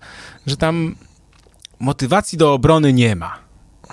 No trener może tam krzyczeć, tego i tak dalej, natomiast wiesz, no jest taki trochę hura optymizm na atak, lecimy, wiesz, husaria i tak dalej, szable w dłoń i walimy truje i odpalamy i mijamy, natomiast w defensywie jest taki yy, niewłaściwe może jakieś skupienie na tym, tak?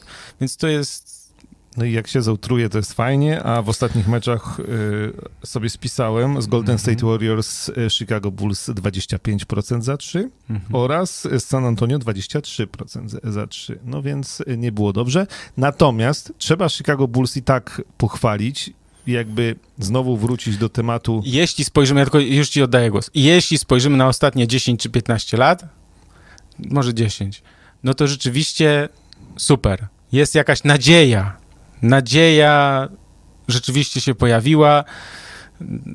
Ja już nie będę tutaj rzucał przysłowiami, więc jakby jest nadzieja i okej, okay, coś dobrego się zadziało, natomiast nie ma żadnej gwarancji, że to będzie że to da, no, że to odmieni losy i nagle teraz Chicago Bulls za rok i dwa będą, w, nie wiem, w playoffach i będą znaczy, ważną przede wszystkim, wschodu. Przede wszystkim y, ja się trzymam teorii, że za Klawin to nie jest y, zawod... No on gra fenomenalny sezon, okej, okay.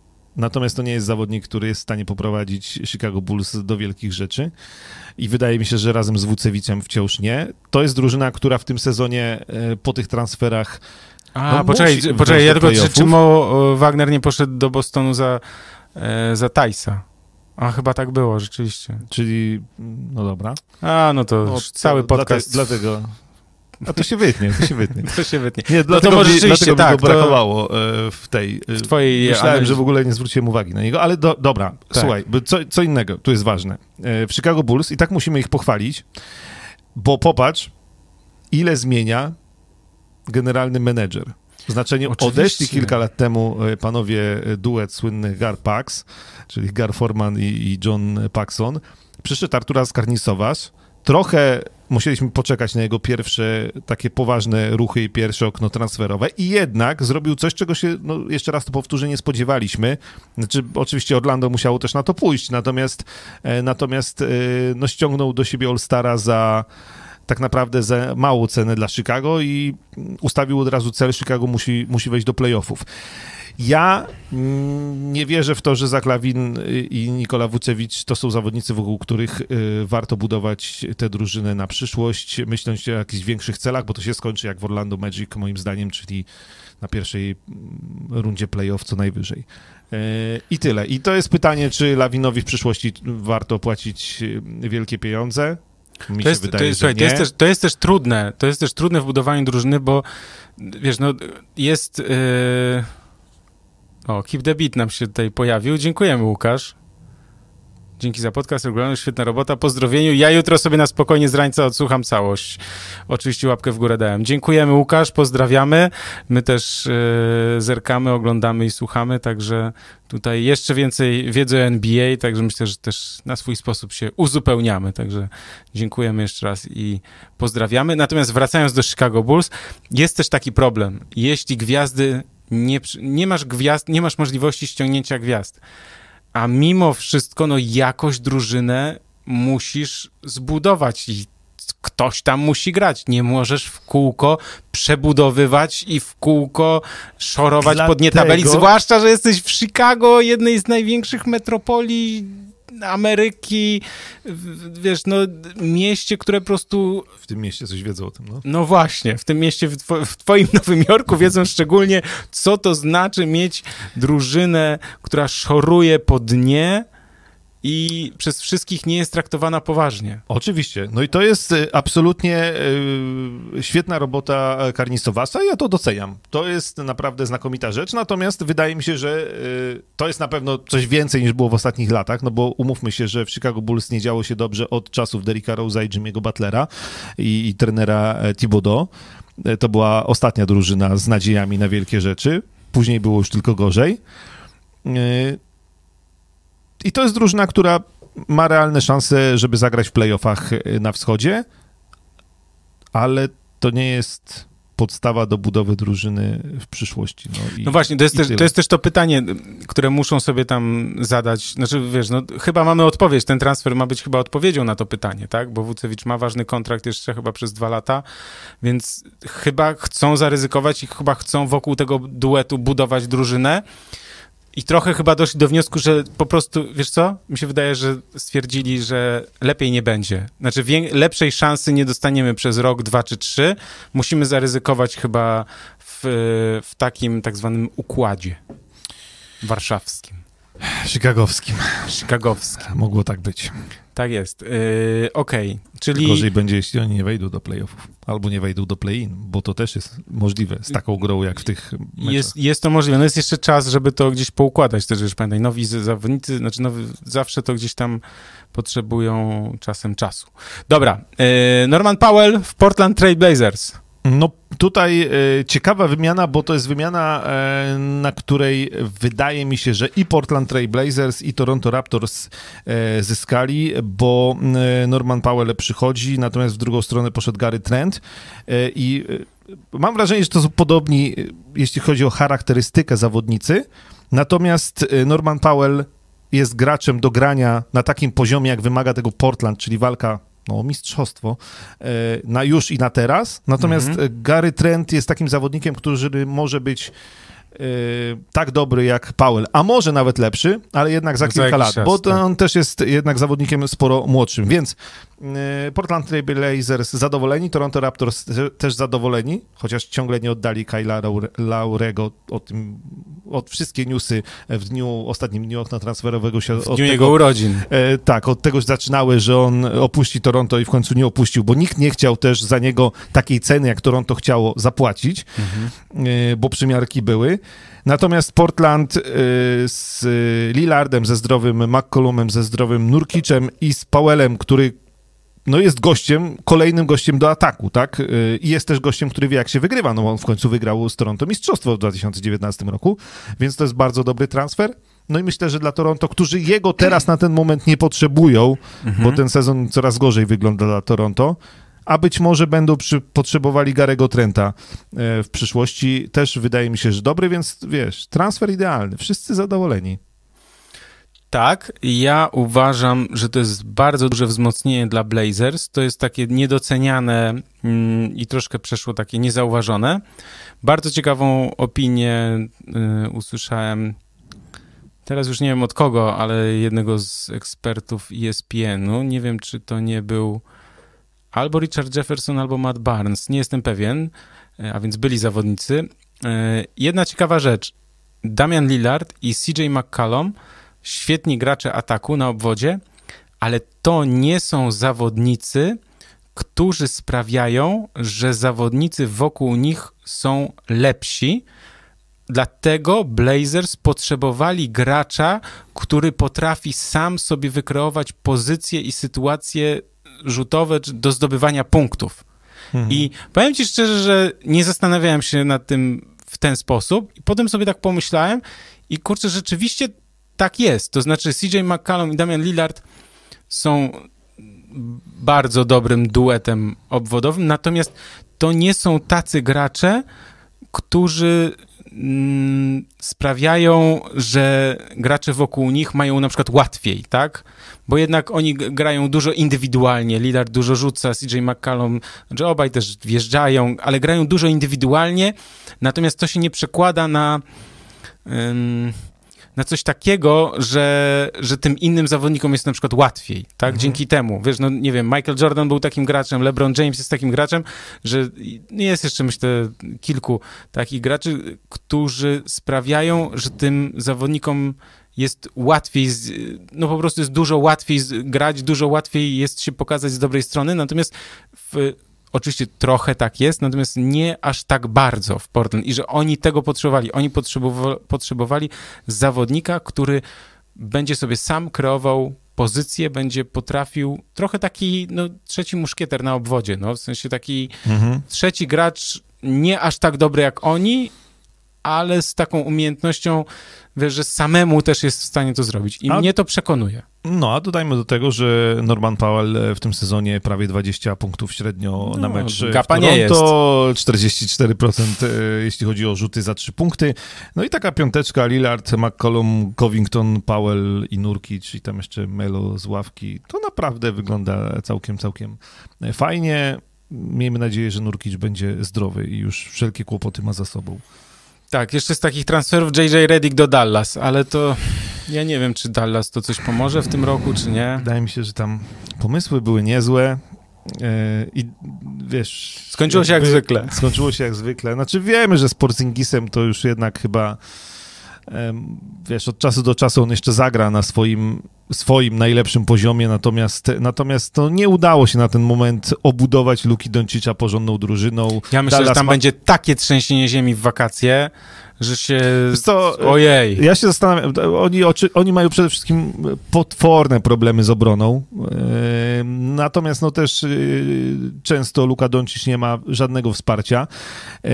Zastanawiam się, czy czasem, znając historię Dallas Mavericks, nie czekają nas kolejne lata takie jak Dirk Nowicki, który tak naprawdę grał tam przez długie, przez całą swoją sezon, y, karierę mhm. i kilka razy zupełnie e, Mike Kuban e, zmieniał mu e, skład. Przecież tam się mnóstwo koszykarzy przez lata przewinęło. W końcu w końcu to wypaliło i, i to mistrzostwo upragnione Dallas i Dirk o zdobyli. O Jezus Maria, kto weźmie Porzingisa z kontraktem na, nie, tego, na przyszły sezon 31,5, 33,8 i jeszcze w ostatnim ma player option na 36 baniek. No nie, to, to jest w ogóle coś, co wydawało się, bo ja też klaskałem, fenomenalnym pomysłem, zestawienie tych dwóch graczy w jednej drużynie, Porzingisa i Doncicza. Mhm. Natomiast, wiesz, Teraz no, wiesz, no, nie, nie mam pojęcia. Znaczy nie wiem, co Moim co zdaniem w Dallas, jeśli kogoś interesuje Dallas, yy, tak, Tim Hardaway Jr. po tym roku kończy mu się umowa, prawie 19 milionów. Yy,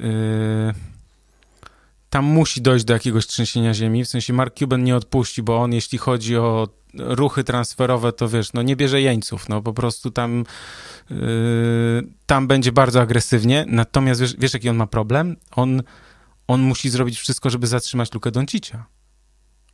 To też prawda. Bo Doncic ma za rok, kończy mu się umowa, 10 baniek. Za ten sezon 8, za przyszły 10. I co? Słabo zawijam się.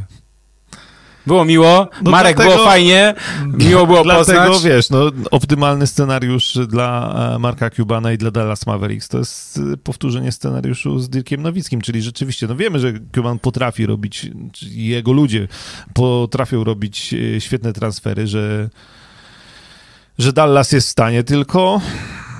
Wiesz, to jest, słuchaj, to jest otwarta, otwarta...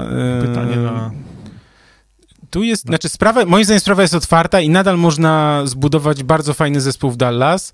Yy, tam kwestia Teksasu i podatków w, Teksasu, w Teksasie chyba jest y, dosyć przyjazna, nie pamiętam do końca, ale chyba tak jest, więc też można tym zachęcić. Natomiast, yy, no wiesz, fakt, że jednak może skusić niektórych zawodników fakt, czy chęć grania z Luką Donciciem.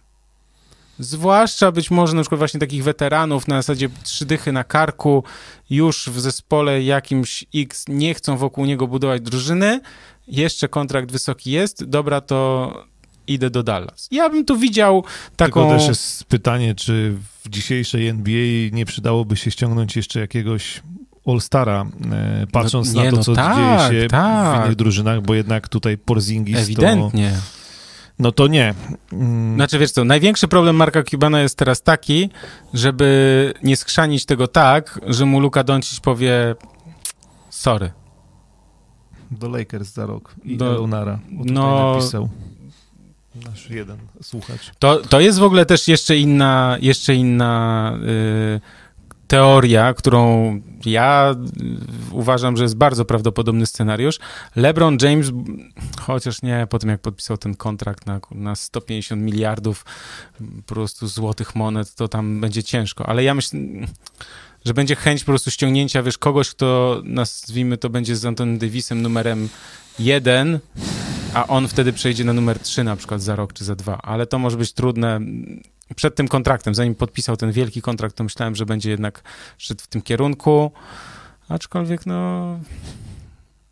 Damian Lillard, Steph Curry czekają na telefon. Y, tak. Co masz jeszcze? Co mam jeszcze, jeśli chodzi o kontrakty? No, Mhm. poczekaj, bo troszkę chyba mi się tutaj zawiesił system, w sensie w mojej głowie. Nie wiem, czy coś jeszcze się takiego wydarzyło? Poczekaj, to tu przejrzę, co tu się, e, co ja tu mam zapisane. E, z, ym, Tak, Mo Znaczy, Wagner bo- do, do, poszedł do, do Bostonu, ja tu, y, mój błąd, zapomniałem, nie zauważyłem. Filadelfia wzięła sobie George'a Hilla. O, to była Duże, drużyna- znaczy duże wzmocnienie. Znaczy, chcieli Kyla Laurego. To była drużyna Mhm. numer jeden w wyścigu po, e, po Kyla Laurego. Jakby nie byli w stanie oddać tyle, ile chciało Toronto, więc wzięli sobie innego weterana. E, George Hill z ławki trochę pomoże i na pewno to takie też jest wzmocnienie, nie tam na pierwszą linię frontu, natomiast, natomiast e, solidny gracz. E, Bo rozumiem, że buyouty to, to zaraz. To za chwilkę, tak. Czy, czy myśmy już niczego nie przegapili? Evan Fournier to już mówiliśmy, że w Bostonie. Mimo wszystko uważam, że Boston osłabiony. E, I tak sobie patrzę, co tu mam na tych moich kartkach. I wychodzi, że chyba, e, że chyba w miarę wszystko. Gratulujemy drużynom, które nie musiały robić transferów, jak na przykład Utah Jazz e, bo są już tak dobre i tak mocne. Ja tylko o tym jeszcze odnośnie Doncicia, tak? To znaczy Mhm. tam, no wiesz, no, że Luka, Luka Doncic nie może odejść, jest jeszcze taki propozycja, tak? Bo na przyszły sezon ma jeszcze ważną umowę, na kolejną ma tak zwaną już nie będę tutaj swoim angielskim brylował, ale yy, też taką ofertę na 13 baniek. Oczywiście, nawet jeśli on nie może odejść, bo potem jest restricted free agent chyba w, yy, 2022, no to jest jeszcze jedna kwestia taka, że no, no nie zatrzymasz kogoś, kto jest niezadowolony, tak? Znaczy nie możesz go zmusić do grania, możesz go zmusić do grania, tylko to nie ma sensu. O to mi chodzi. Znaczy, że ja jakby wychodząc ponad te zasady takie, czy on będzie, czy on jest restricted, czy nie, czy on, wiesz, no to jest trochę tak, że możesz go, no nie wiem, wyrównać, tak? Jak jest zastrzeżony, to wtedy wyrównujesz ofertę i tak dalej. Natomiast jeśli przez ostatni rok był kwas w drużynie, tak? I on ci mówił, że słuchaj, ale ta drużyna jest słaba i nic nie zrobiłeś, nic nie, zr- nie zrobiłeś, żebym wygrywał, no to, no to wiesz, znaczy, no to, to nic z tego nie będzie, tak? Znaczy, możesz zagrać oczywiście w taki sposób, że złośliwie powiedzieć, a będziesz, kurna, będziesz u mnie grał i ja ci będę płacił, a ty musisz grać, teraz się ze mną męczyć, tak? No to oczywiście, ale to nie, to jest Ameryka, tak? To, to, to Trochę są w sytuacji, chociaż powiedziałbym, że jednak gorszej, ale może na jakoś to porównać do Milwaukee Bucks przed podpisaniem Janisa, gdzie wszyscy też się zastanawiali, czy Janis odejdzie, czy oni są mu w stanie zbudować drużynę e, walczącą znaczy, Jeszcze nie są, jeszcze nie są, ale już za chwilę mogą być, ale tak? Wiesz, że za chwilę Luka Doncic może chlapnąć gdzieś coś w jakimś wywiadzie i tak dalej. To są oczywiście dywagacje. Ja nie mówię, że tak będzie. Nie wiem, nie rozmawiałem z Luką Donciciem na ten temat. Nie znam, nie wiem, szczegółów jakichś insiderskich i tak dalej, ale ja tylko zwracam uwagę na to, że spodziewałbym się trzęsienia ziemi za chwilę w Dallas, natomiast jeśli to trzęsienie ziemi nie będzie takie, jak Luka Doncic będzie chciał, to będzie to problem dla Marka Cubana w tak zwanej długofalowej wizji, bo jednak no, on chce, żeby Luka Doncic grał u niego jeszcze przez najbliższe 15 lat. Tak jest. A nawet jeszcze dłużej. To tyle. Dobra, słuchaj, bo mamy e, buyouty jeszcze. 30 minut zaledwie, a tu jest jeszcze taki, e, taki mały temacik. No właśnie, związany. E, to dobra, to szybko te buyouty najważniejsze. Tak, no znaczy, no, co, znaczy no są dwa, no. ludzie, no. ludzie, którzy... A, bo myśmy, wiem, co, o kim myśmy nie powiedzieli. Sorry, no. bo to przecież nie był no, no. buyout, tylko PJ Tucker jeszcze. A, no ale to wcześniej doszło do transferu, tak? Bo to nie było, nie było w momencie zamknięcia okienka chyba, tylko... Tak, tak, tak, tak, tak, tak. Ale to, żeby nam nie uciekło, uzupełnijmy. A propos Milwaukee Bucks, zatrudnili PJ Tuckera, a więc... No, zawodnika, jeszcze Jeff Tick tam poszedł Tak, dzisiaj Jeff Tick dzisiaj, tak, z, też, który został chwilowo bez pracy. Natomiast no, Tucker da trochę obrony. Jeff Moim Tick zdaniem Milwaukee są niedoceniani w tym sezonie, to znaczy Może. przez to, że przez to, że wszyscy się ekscytują tak, tu Lakers, yy, na wschodzie, Brooklyn Nets przecież i w ogóle Embiid, MVP i tak dalej, trochę Janis szedł na ten drugi plan, natomiast on nadal gra bardzo dobrze i to, co mówiliśmy też przy okazji poprzedniego podcastu, że on się szykuje na to, tak, tak na to wszystkie znaki na niebie i ziemi mówią, że on się szykuje na playoffy, że on to MVP już, już, już zdobył, już nieważne. Teraz się skupiamy na playoffy, zróbmy taką drużynę, sprawdzajmy teraz te systemy, co działa, co nie działa i tak dalej, żebyśmy wygrali. I ja bym się nie zdziwił, jakby Milwaukee Bucks byli jednak mocni w tych playoffach.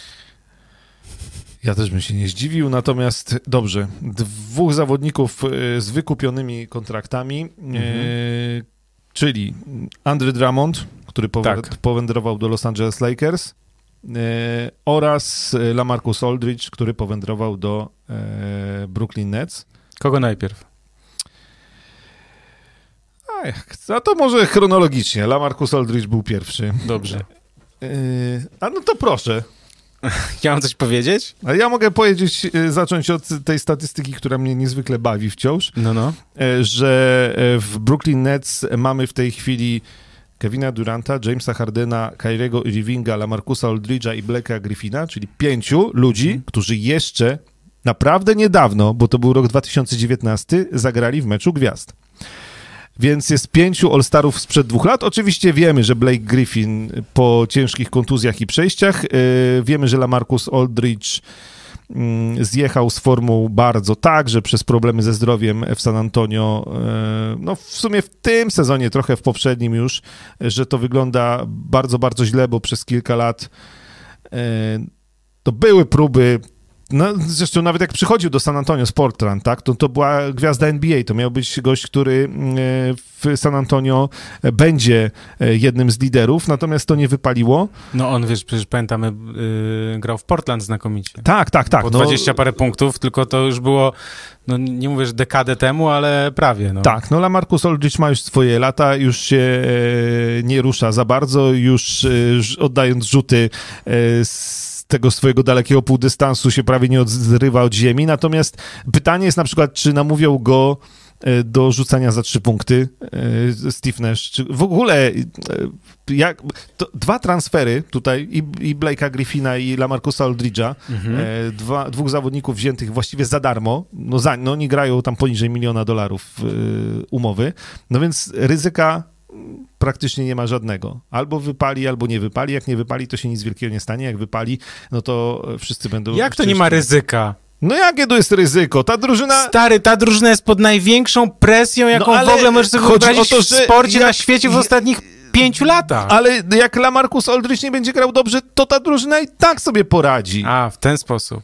Chodzi o to, że jeśli jeden z nich, Blake Griffin albo Lamarcus Aldridge, yy, zagrają na swoim na poziomie zbliżonym do tego, który pamiętamy Mhm. y, sprzed paru lat, to już jest dla Brooklyn Nets niesamowite zwycięstwo, pamiętając o cenie, jaką płacą, bo praktycznie nie płacą za to. Okej, no tak, tylko teraz przez to, wszyscy, mnie najbardziej, znaczy mnie bawi, mnie bawi to, co zresztą Blake Griffin powiedział, bo mówi tak, ej, przez ostatnie kilka lat słyszałem, że jestem beznadziejny, a teraz jak podpisałem z Brooklyn Nets, to wy mówicie, że to nie fair.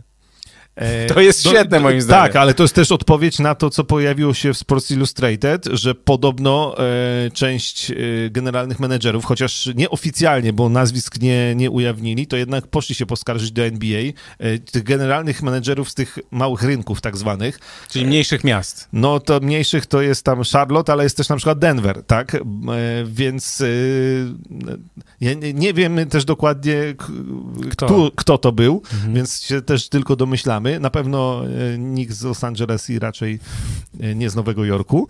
Natomiast, e, natomiast, że to jest właśnie niesprawiedliwe, że jak pojawili się na rynku ludzie za darmo do wzięcia, czyli Lamarcus Aldridge i Blake Griffin, jeszcze niedawno mm, Jeszcze grający na Drummond. poziomie, tak, Andre Drummond, jeszcze na poziomie All-Stara, Andre Drummond wciąż, mm, zaraz jeszcze o nim pewnie pogadamy, w formie naprawdę dobrej, to e, te mniejsze kluby są bez szans absolutnie w starciu z Brooklyn Nets, w starciu z Los Angeles Lakers. Wraca rozmowa w tym sezonie bardzo często i ten przykład z 2011 roku, sprzed dekady, kiedy pamiętasz, Chris Paul, o którym tu wspominaliśmy, e, miał już dogadaną trójstronną umowę i Tak. przejście do Los Angeles Lakers z Nowego Orleanu do Kobiego Bryanta e, i liga to zablokowała, bo wtedy Nowym Orleanem zarządzała NBA, bo chwilowo... Tymczasowo, Tak, tymczasowo, tak. bo nie, nie było właściciela, to jest na zasadzie franczyzy, więc chwilowo e, NBA zarządzało e, New Orleans Do dziś nie mogę Hornets. przeżyć tego, że, nie, Tak. że tego transferu nie Tak, było. jeszcze wtedy New Orleans Hornets. I no i David Stern po prostu e, stwierdził, że to by było niesprawiedliwe, nieuczciwa konkurencja, gdyby Chris Paul dołączył do Kobiego Bryanta i zablokował ten transfer. Ostatecznie Chris Paul wylądował e, w Clippers. Dzisiaj nikt nie ma takich oporów, e, Oj. przynajmniej jeśli chodzi o te duże drużyny, ale pewnie te z małych rynków jakby miały taką opcję, to e, postąpiły tak samo, tylko po prostu trudniej przekonać e, do siebie kogoś. Lamarcus Aldridge powiedział wprost, że jego zdaniem Brooklyn Nets mają największe szanse na zdobycie mistrzostwa, dlatego on tam poszedł. No tutaj o nic innego nie chodzi, o żadne e, pieniądze i e, tak dalej, bo oni zarabiają tam mikroskopijne pieniądze, jak na to, co zarabiali w swojej karierze. Więc Lamarcus Aldridge chce zdobyć mistrzostwo z Brooklyn Nets e, i tyle. No i rozmawiał z innymi też klubami, ale tutaj nikt czegoś takiego mu nie był w stanie zaproponować. No, i... No tak, znaczy pojawiły się głosy, że też miał propozycję przejścia do Miami, ale się na to nie zdecydował. Moim zdaniem, znaczy fajnie by Miami wyglądało z nim. Natomiast to, że jest tam i Blake Griffin, wiesz, jest jeszcze jeden problem. Trochę urywam te myśli, bo, bo ich dużo mam po prostu na ten temat. Wiesz, jak jest problem z tym przejściem Blake'a Griffina i Lamarcusa Aldridge'a do, do Brooklyn Nets? Jest trochę tak, że, że ja sobie nawet zapisałem taki cytat, bo to y, Greenberg to powiedział, Mike Greenberg. Y, co on takiego powiedział, co pa- zapamiętałem? Aha, wiem. Wiesz, że coś jest nie tak. Coś cię gryzie, ale nie wiesz dokładnie o co chodzi. Co to jest dokładnie? Wiesz, takiego, że coś jest nie tak. Że coś w tych ruchach jest nie tak. Boli was wielkie tutaj Ale wiesz co, ja mam jedną no, myśl, ja mam jedną myśl. Wiesz, Mhm. co mnie boli? Y, W tym, mm, w tym, że tam Aldridge i Griffin poszedł, że mam trochę wrażenie, czy oni przypadkiem, tak samo jak James Harden, czy oni, że, czy to nie było jednak tak zwane tankowanie z ich strony, że Blake, James Harden musiał się spaść, yy, został grubasem, yy, fochmistrzem po prostu i tak dalej i dopiero oni wtedy go wytransferowali, tak?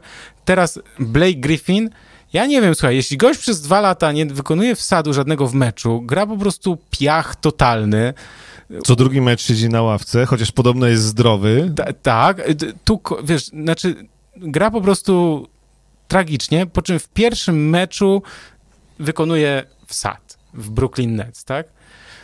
Lamarcus Aldridge, no nie wiem, no tu jego bym akurat o to nie podejrzewał. Moim zdaniem po prostu gdzieś to jest no, już zmęczenie materiału, czy, czy, czy no, tak zwana starość po prostu, peselioza tak zwana. Mm. E, natomiast tu w przypadku Blake'a Griffina, to uważam, że to jest nie do końca jasne dla mnie, tak? Czy, czy na pewno było tak, że czy on swoją słabą grą nie chciał zmusić Detroit Pistons do tego, żeby albo wykupili jego kontrakt, albo tak jak zrobił James Harden. I to, i to mi się nie podoba. To, znaczy, to, że to jest nie do końca fair, e, to jest raz. Dwa, no jest taka tendencja, że teraz wszyscy chcemy, żeby, znaczy chcy, zawodnicy chcą grać w najlepszych drużynach, zdobywać mistrzostwo i tak dalej. Ale taki sam problem, jak miałem z przejściem ówczesnego mojego ulubionego zawodnika w NBA, czyli Kevina Duranta, do Golden State Warriors, tak samo teraz y, jest taki problem w sensie z Brooklyn Nets, znaczy nie dziwię się, że, że tak bardzo kibice ich nie lubią, bo to jest trochę tak, że zebrali się najlepsi, skrzyknęli się i teraz gramy, tak? Jednak po coś są te przepisy o salary cap, tak? O, w sensie o wynagrodzeniach. Są... Yy, wiesz, kiedyś, ja wiem, że się zaczęło od Lebrona i, i Wielkiej Trójki, tak, czy nawet można powiedzieć, że może od Bostonu, kiedy Garnett tam poszedł.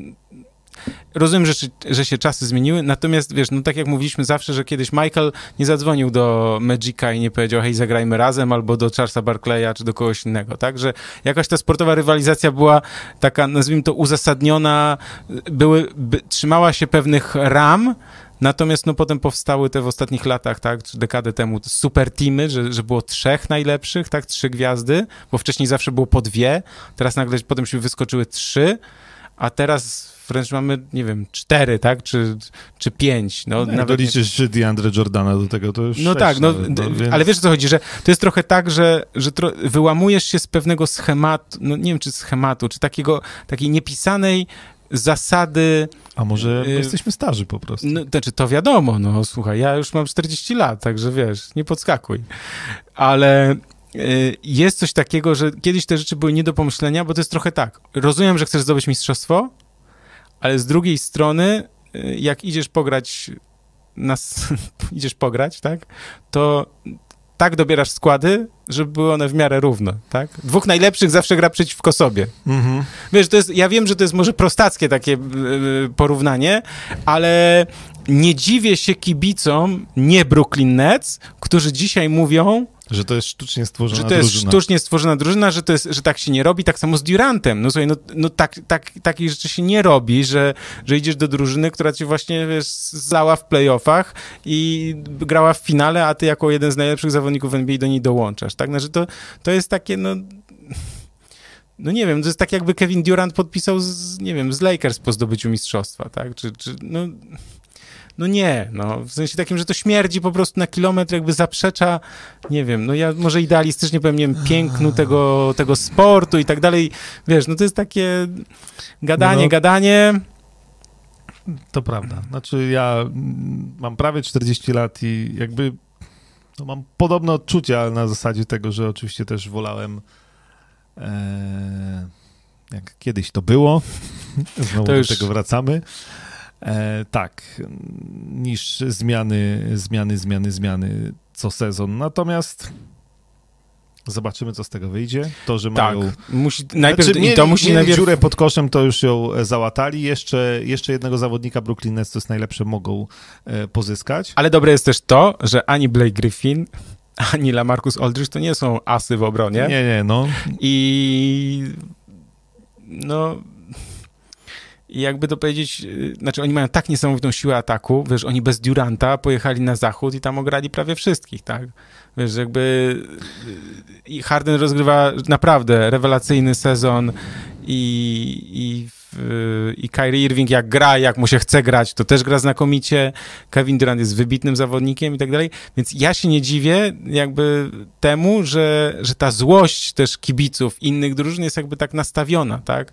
No i nie dziwię się też innym menadżer, menadżerom, że wiesz, że jednak yy, no są źli na, na, te, na te buyouty, ale z drugiej strony nie, Brooklyn Nets nie zrobili nic niezgodnego z przepisami. Nikt tam nikomu pod mhm. stołem nie płaci raczej, bo za takie rzeczy się wylatuje. wiesz, no wszystko się to mieści gdzieś tam w tych ramach, tak? Gdzieś to tak poukładali, w sensie i Durant z Irvingiem, jak przychodzili, to się tak dogadali, żeby to się, jak tu to powiedzieć, kleiło, tak?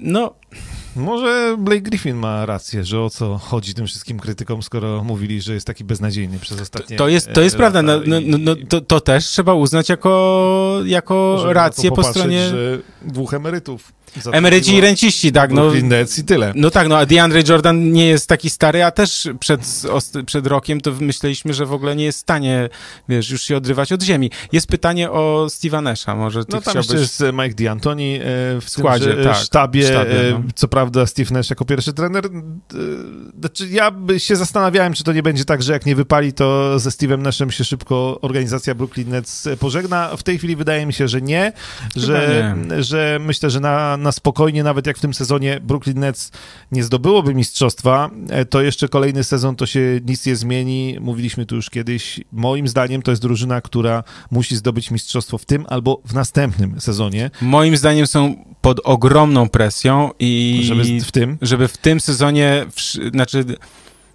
moim zdaniem są pod ogromną presją, oczekiwania są takie, że musicie zdobyć mistrzostwo. Wiesz, za rok nie będzie Aldridge'a i Griffina, więc jakby...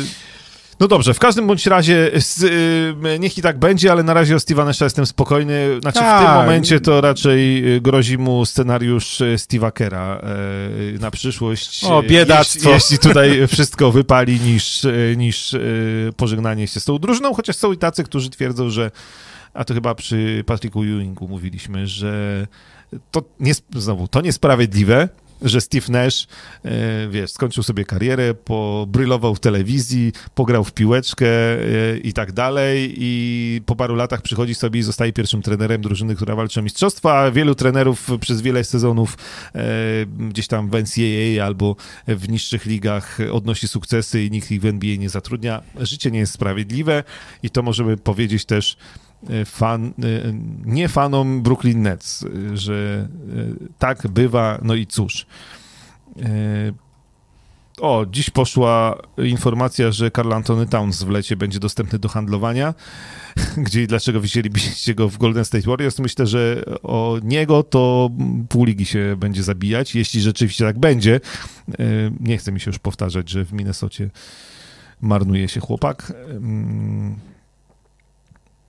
Yy, czy poza trzymaniem czasu i wymianami yy, taki coach jeszcze ma coś do powiedzenia? Myślę, że jednak sporo i jakby samo, same zmiany i trzymanie czasu, to zacznijmy od tego. Też pamiętajmy, że yy, na sukces każdego trenera w NBA pracuje naprawdę spory sztab ludzi, asystentów, tak, trenerów, specjalistów, duży. specjalistów od wszystkiego, od obrony, ataku i tak dalej, więc, więc to nie jest tak, że jesteś trenerem jak w U14 i wszystko masz na głowie, tylko jesteś raczej szefem organizacji małej firmy, którą musisz dobrze kierować.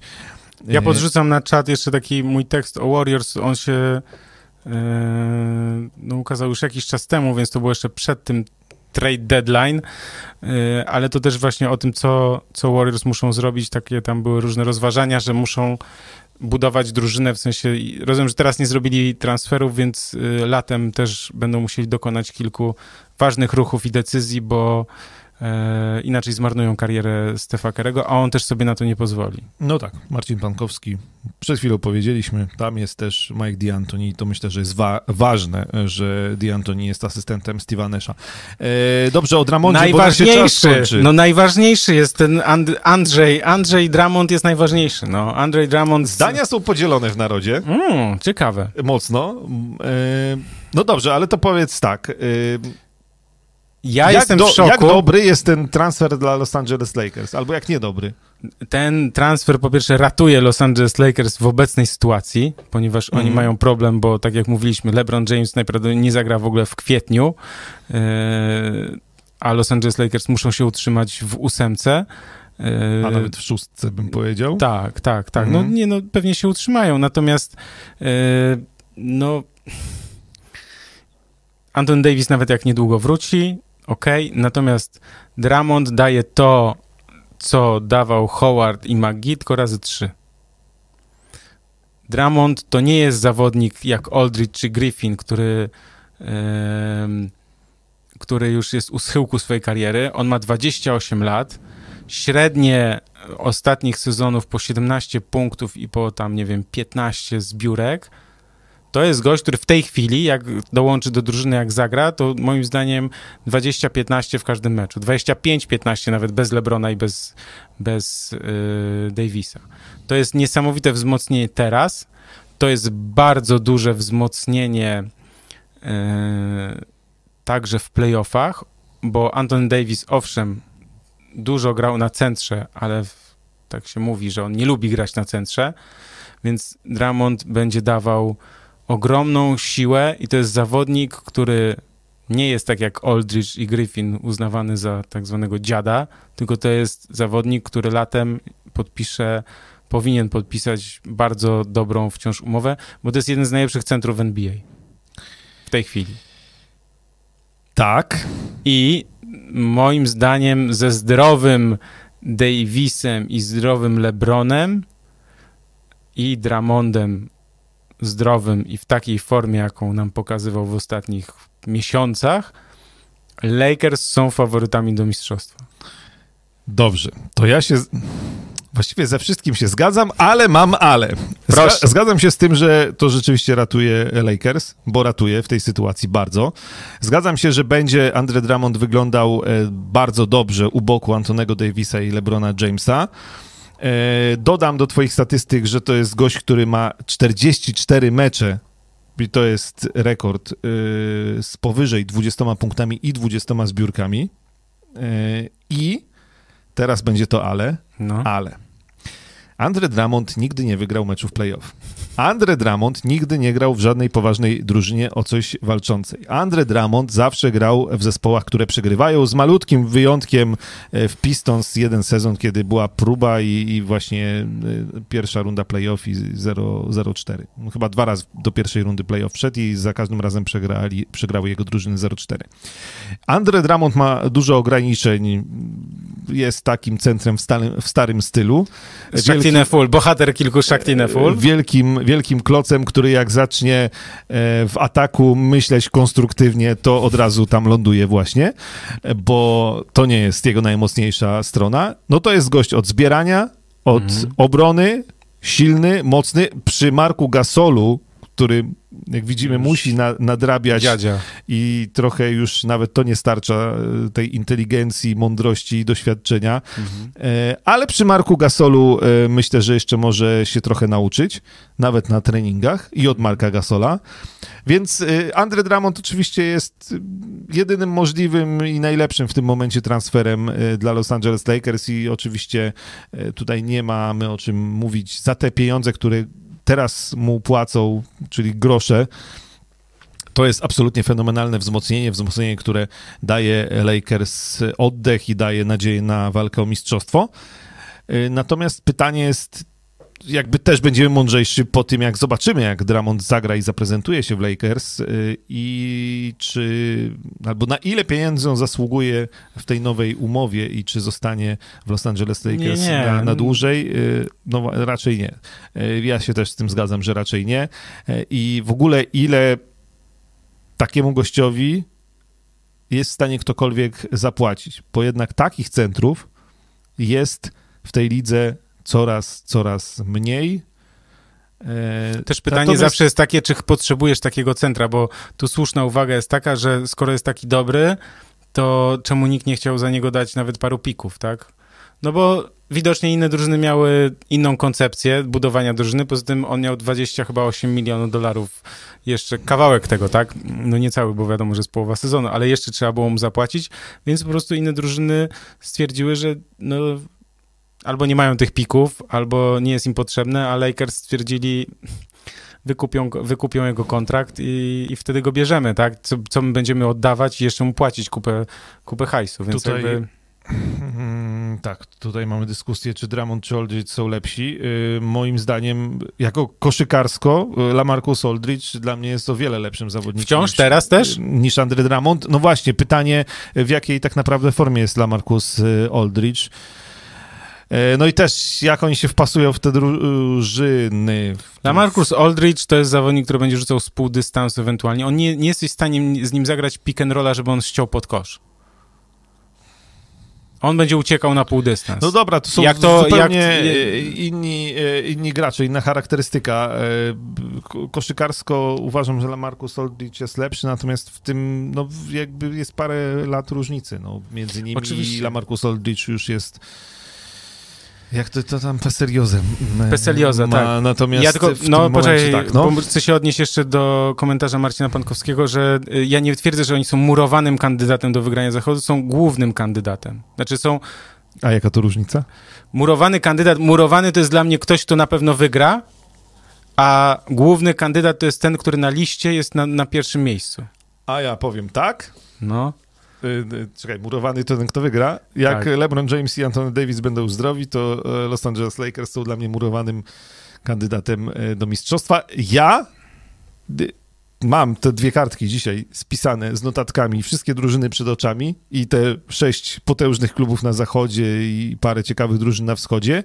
I jak ja bym dzisiaj dostał zapewnienie, nie wiem, z góry, że wszyscy będą zdrowi na playoffy, to ja chciałbym najbardziej, nie jestem fanem ani Brooklyn Nets, ani Los Angeles Lakers, jakimś wielkim, ja chciałbym zobaczyć finał Los Angeles Lakers kontra Brooklyn Nets. Naprawdę Piosen- chciałbym... Piosenkę pana Kokoracza chciałabym najbardziej usłyszeć. Tak się składa, że mamy pana Koracza na sali. To wiemy oczywiście ze starych polskich filmów Stanisława Barei. E, rozumiem, ja też bym... I to byłaby Mhm. mega reklama koszykówki, mega sprawa dla NBA też w kontekście e, tam oglądalności, z którą No były tak, problemy po wyjściu z pandemii koronawirusa, miejmy nadzieję, zobaczyć te dwie drużyny, zdrowe drużyny przeciwko sobie, no jak mecz gwiazd, tylko że o coś. Tak, I to- znaczy to, to- to byłoby na pewno dla NBA super. Ja natomiast jestem, ponieważ y, śledzę tę ligę od paru lat, to jakby jestem wielkim fanem tego, że w NBA jest jeszcze jedna taka wspaniała rzecz, że tam przeważnie, nie mówię, że zawsze, ale zawsze jest, jak- no przeważnie, Czasami, no. bardzo często. Jest jakaś niespodzianka. I to mnie bardzo ciekawi też, kto będzie w stanie się postawić właśnie Lakers na zachodzie, bo, bo listę mamy długą, tak, to co mówiłeś, i Clippers, i Jazz, nawet Phoenix Suns, Denver Nuggets, tak, że jest ta lista drużyn, które na, na zachodzie są w stanie się postawić. I moim zdaniem, tak jak tu ktoś napisał wcześniej, że te playoffy będą niesamowite, te playoffy będą Epickie. mega, super rewelacyjne, bo na wschodzie nie masz już tylko jednej ekipy. Masz owszem Brooklyn Nets, ale Philadelphia, Milwaukee. Milwaukee, nawet Miami, tak, które przecież no mistrzowie, tak, więc oni też nie odpuszczą. Więc tam też będzie mnóstwo, y, mnóstwo zaciętych spotkań i rywalizacja. Słuchaj, najważniejsze, bo już za chwilę kończymy, najważniejsze to po pierwsze oczywiście wstrzelić się z formą w playoffy, najważniejsze, żeby wszyscy byli zdrowi, bo teraz dzisiaj to możemy sobie gdybać, bo my nic, bo nic nie wiemy, nie wiadomo. Ja wiem, że oczywiście kontuzji można doznać też w czwartej kwarcie decydującego spotkania i potem mówić, że to, i tak dalej. Jasne, okej, tylko chodzi mi o to nawet, żebyśmy przed playoffami wiedzieli na przykład, że dana drużyna jest w pełni zdrowa albo nie, bo wtedy będziemy mogli realnie też patrzeć i oceniać na te szanse. Moim zdaniem pod większą presją dziś są Brooklyn Nets na wygranie mistrzostwa i LeBron James, jeśli będzie zdrowy, to może to wykorzystać. W takim sensie, że po prostu jemu będzie łatwiej. Bo on już pod presją, on ma na drugie No, imię to- presja. Tak, Tiemu to tam żadna presja, jaka presja w ogóle. Mm, tak, a tak patrzę sobie z tych drużyn z czołówki, to wydaje mi się, że pod najmniejszą presją to ciągle się będę upierał, że są Phoenix Suns. Znaczy tam moim zdaniem każdy mecz playoffów to będzie święto, że oni są w tych playoffach i sobie grają i jest fajnie. Dobra, To to, też może być fajne. y, kończymy powoli, w sensie już za Okaże sekundę. się, że ani Lakers, ani Nets. Może Okej, też tak być. oczywiście, że Może. może. też tak być. Tak? To jest najlepsze właśnie w tej lidze. Ja tylko przypominam, bo poprzedni, w poprzednim podcaście mówiliśmy, ja mówiłem o tych trójkach, o analizie rzutów za trzy, pamiętasz? Pamiętasz? Pamiętam. I ja sobie to wszystko spisałem i powstał nawet bardzo ciekawy artykuł, nawet mówię nieskromnie, że bardzo ciekawy. To ja może powiem, powstał bardzo ciekawy artykuł. tak, i polecam y, no dosyć dużo odsłon i gdzieś y, wiem, że odbił się takim, nazwijmy to, szerokim echem, więc ja poukładałem sobie to wszystko w tak zwanych, w tak zwanych myślach, y, które mogły być tutaj podczas podcastu troszkę nieskładne, a jednak w tekście i te tabelki można sporo zobaczyć, więc jeśli ktoś nie wie o co chodzi, to polecam serdecznie, e, a jeśli ktoś wie o co chodzi, bo nas słuchał i oglądał poprzednim razem, to może też e, wejść e, i zobaczyć to, co jest właśnie najciekawsze, to co zebrałem, to co tam sumowałem, nazwijmy to, tak? Dobra, co, jeszcze raz podrzucam, żeby była jasność, żeby nie było wątpliwości, link do oficjalnego sklepu Nike do wyprzedaży i przypominam, że sklep Takie koszykarza... Bluzy takie bluzy. Takie bluzy Takie są. Bluzy. E, też sklep koszykarza, bo też pytacie nas czasami, zróbcie donaty, jak wam pomóc, jak wspierać, żebyśmy się rozwijali. Łapki w górę. Łapki w górę, subskrypcje i właśnie jak planujecie na przykład, w sensie planujecie zakupy akurat, no to zwróćcie uwagę, ważne, żeby był też ten nasz link, E, można też, jeśli ktoś chciałby NBA w sieci Play, też jeśli ma sieć Play, to też może i też podrzucam link. I jeszcze na koniec NCAA na ESPN, też w ESPN Playerze, bo teraz tam w tym NCAA się dzieją po prostu no, jest. takie marcowe rzeczy, szaleństwo i naprawdę... Już się kończy dobra. marcowe szaleństwo, co prawda, ale wiemy o co chodzi, w sensie takim, że jeszcze można skorzystać, tam jest jeszcze 7 dni za darmo, więc akurat można się tam troszeczkę podkleić, więc zapraszam. Na ProBaskecie są też y, banery jeszcze jedna rzecz, o której już nie mówiliśmy, już nie będziemy o niej mówić, Krzysiek, natomiast ja podrzucam MJ Kobi jako taką zapowiedź. Chcesz, chciałbyś o tym opowiedzieć? Ale zapo... Nie, bo, bo ja to rzuciłem link do artykułu. No bo ale to trzeba wideo koniecznie obejrzeć, przeczytać artykuł i zobaczyć to wideo. Kto nie, kto nie pamięta albo kto nie widział tego, to koniecznie. E, ostatni, ja tylko powiem, ostatni mecz Michael Jordan kontra Kobe Bryant. Tak, 2003 rok, 18 lat temu, właśnie parę dni temu minęła e, rocznica e, i tam była taka sytuacja. Oczywiście Michael Jordan rzucił w tym meczu 23 punkty, Wizards przegrali, Kobe Bryant rzucił 55 punktów, Lakers wygrali, natomiast jedna była taka sytuacja śmiechowa, E, mocno, kiedy Kobe Bryant ruszył z piłką przy linii bocznej, e, Jordan wymusił przewinienie w ataku, przewrócił się, e, no i aktor John Cusack zrelacjonował niedawno to, że... Bo siedział obok. Siedział obok, słyszał, co tam powiedział Michael Jordan. Michael Jordan leżąc na podłodze zaczął się śmiać i powiedział do Kobiego, no przecież każdy w tym budynku, w tej hali wiedział, że nikomu nie podasz, tylko ruszysz do przodu, nie, nie będziesz podawał. No i Kobi się zaczął śmiać, tam tak zaczął e, udawać, że gdzieś tam uderza, nokautuje Michaela Jordana, podniósł go e, z parkietu, e, pouśmiechali się, wyściskali. To jest, to jest coś niesamowitego.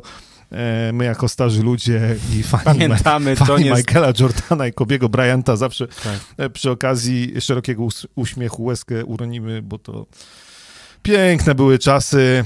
E, teraz też są piękne, tylko inne. Teraz są piękne, tylko inne. Utah Jazz po 45 rzutów za 3 oddaje w meczu na przykład. No właśnie. No Kolejny podcast 13 kwietnia, więc za dwa tygodnie we wtorek o godzinie 21. W opisach też macie wszystkie linki, jakie potrzeba do archiwum, gdzie nas słuchać, gdzie oglądać, bo też Spotify można sobie też włączyć tylko audio, jeśli ktoś chce. Także yy, kończymy. To było, my nagrywaliśmy w Blaszak Studio, które też polecamy. Krzysztof Sendecki. Dziękuję bardzo. Michał Pacuda. Dziękujemy. Do zobaczenia, do usłyszenia.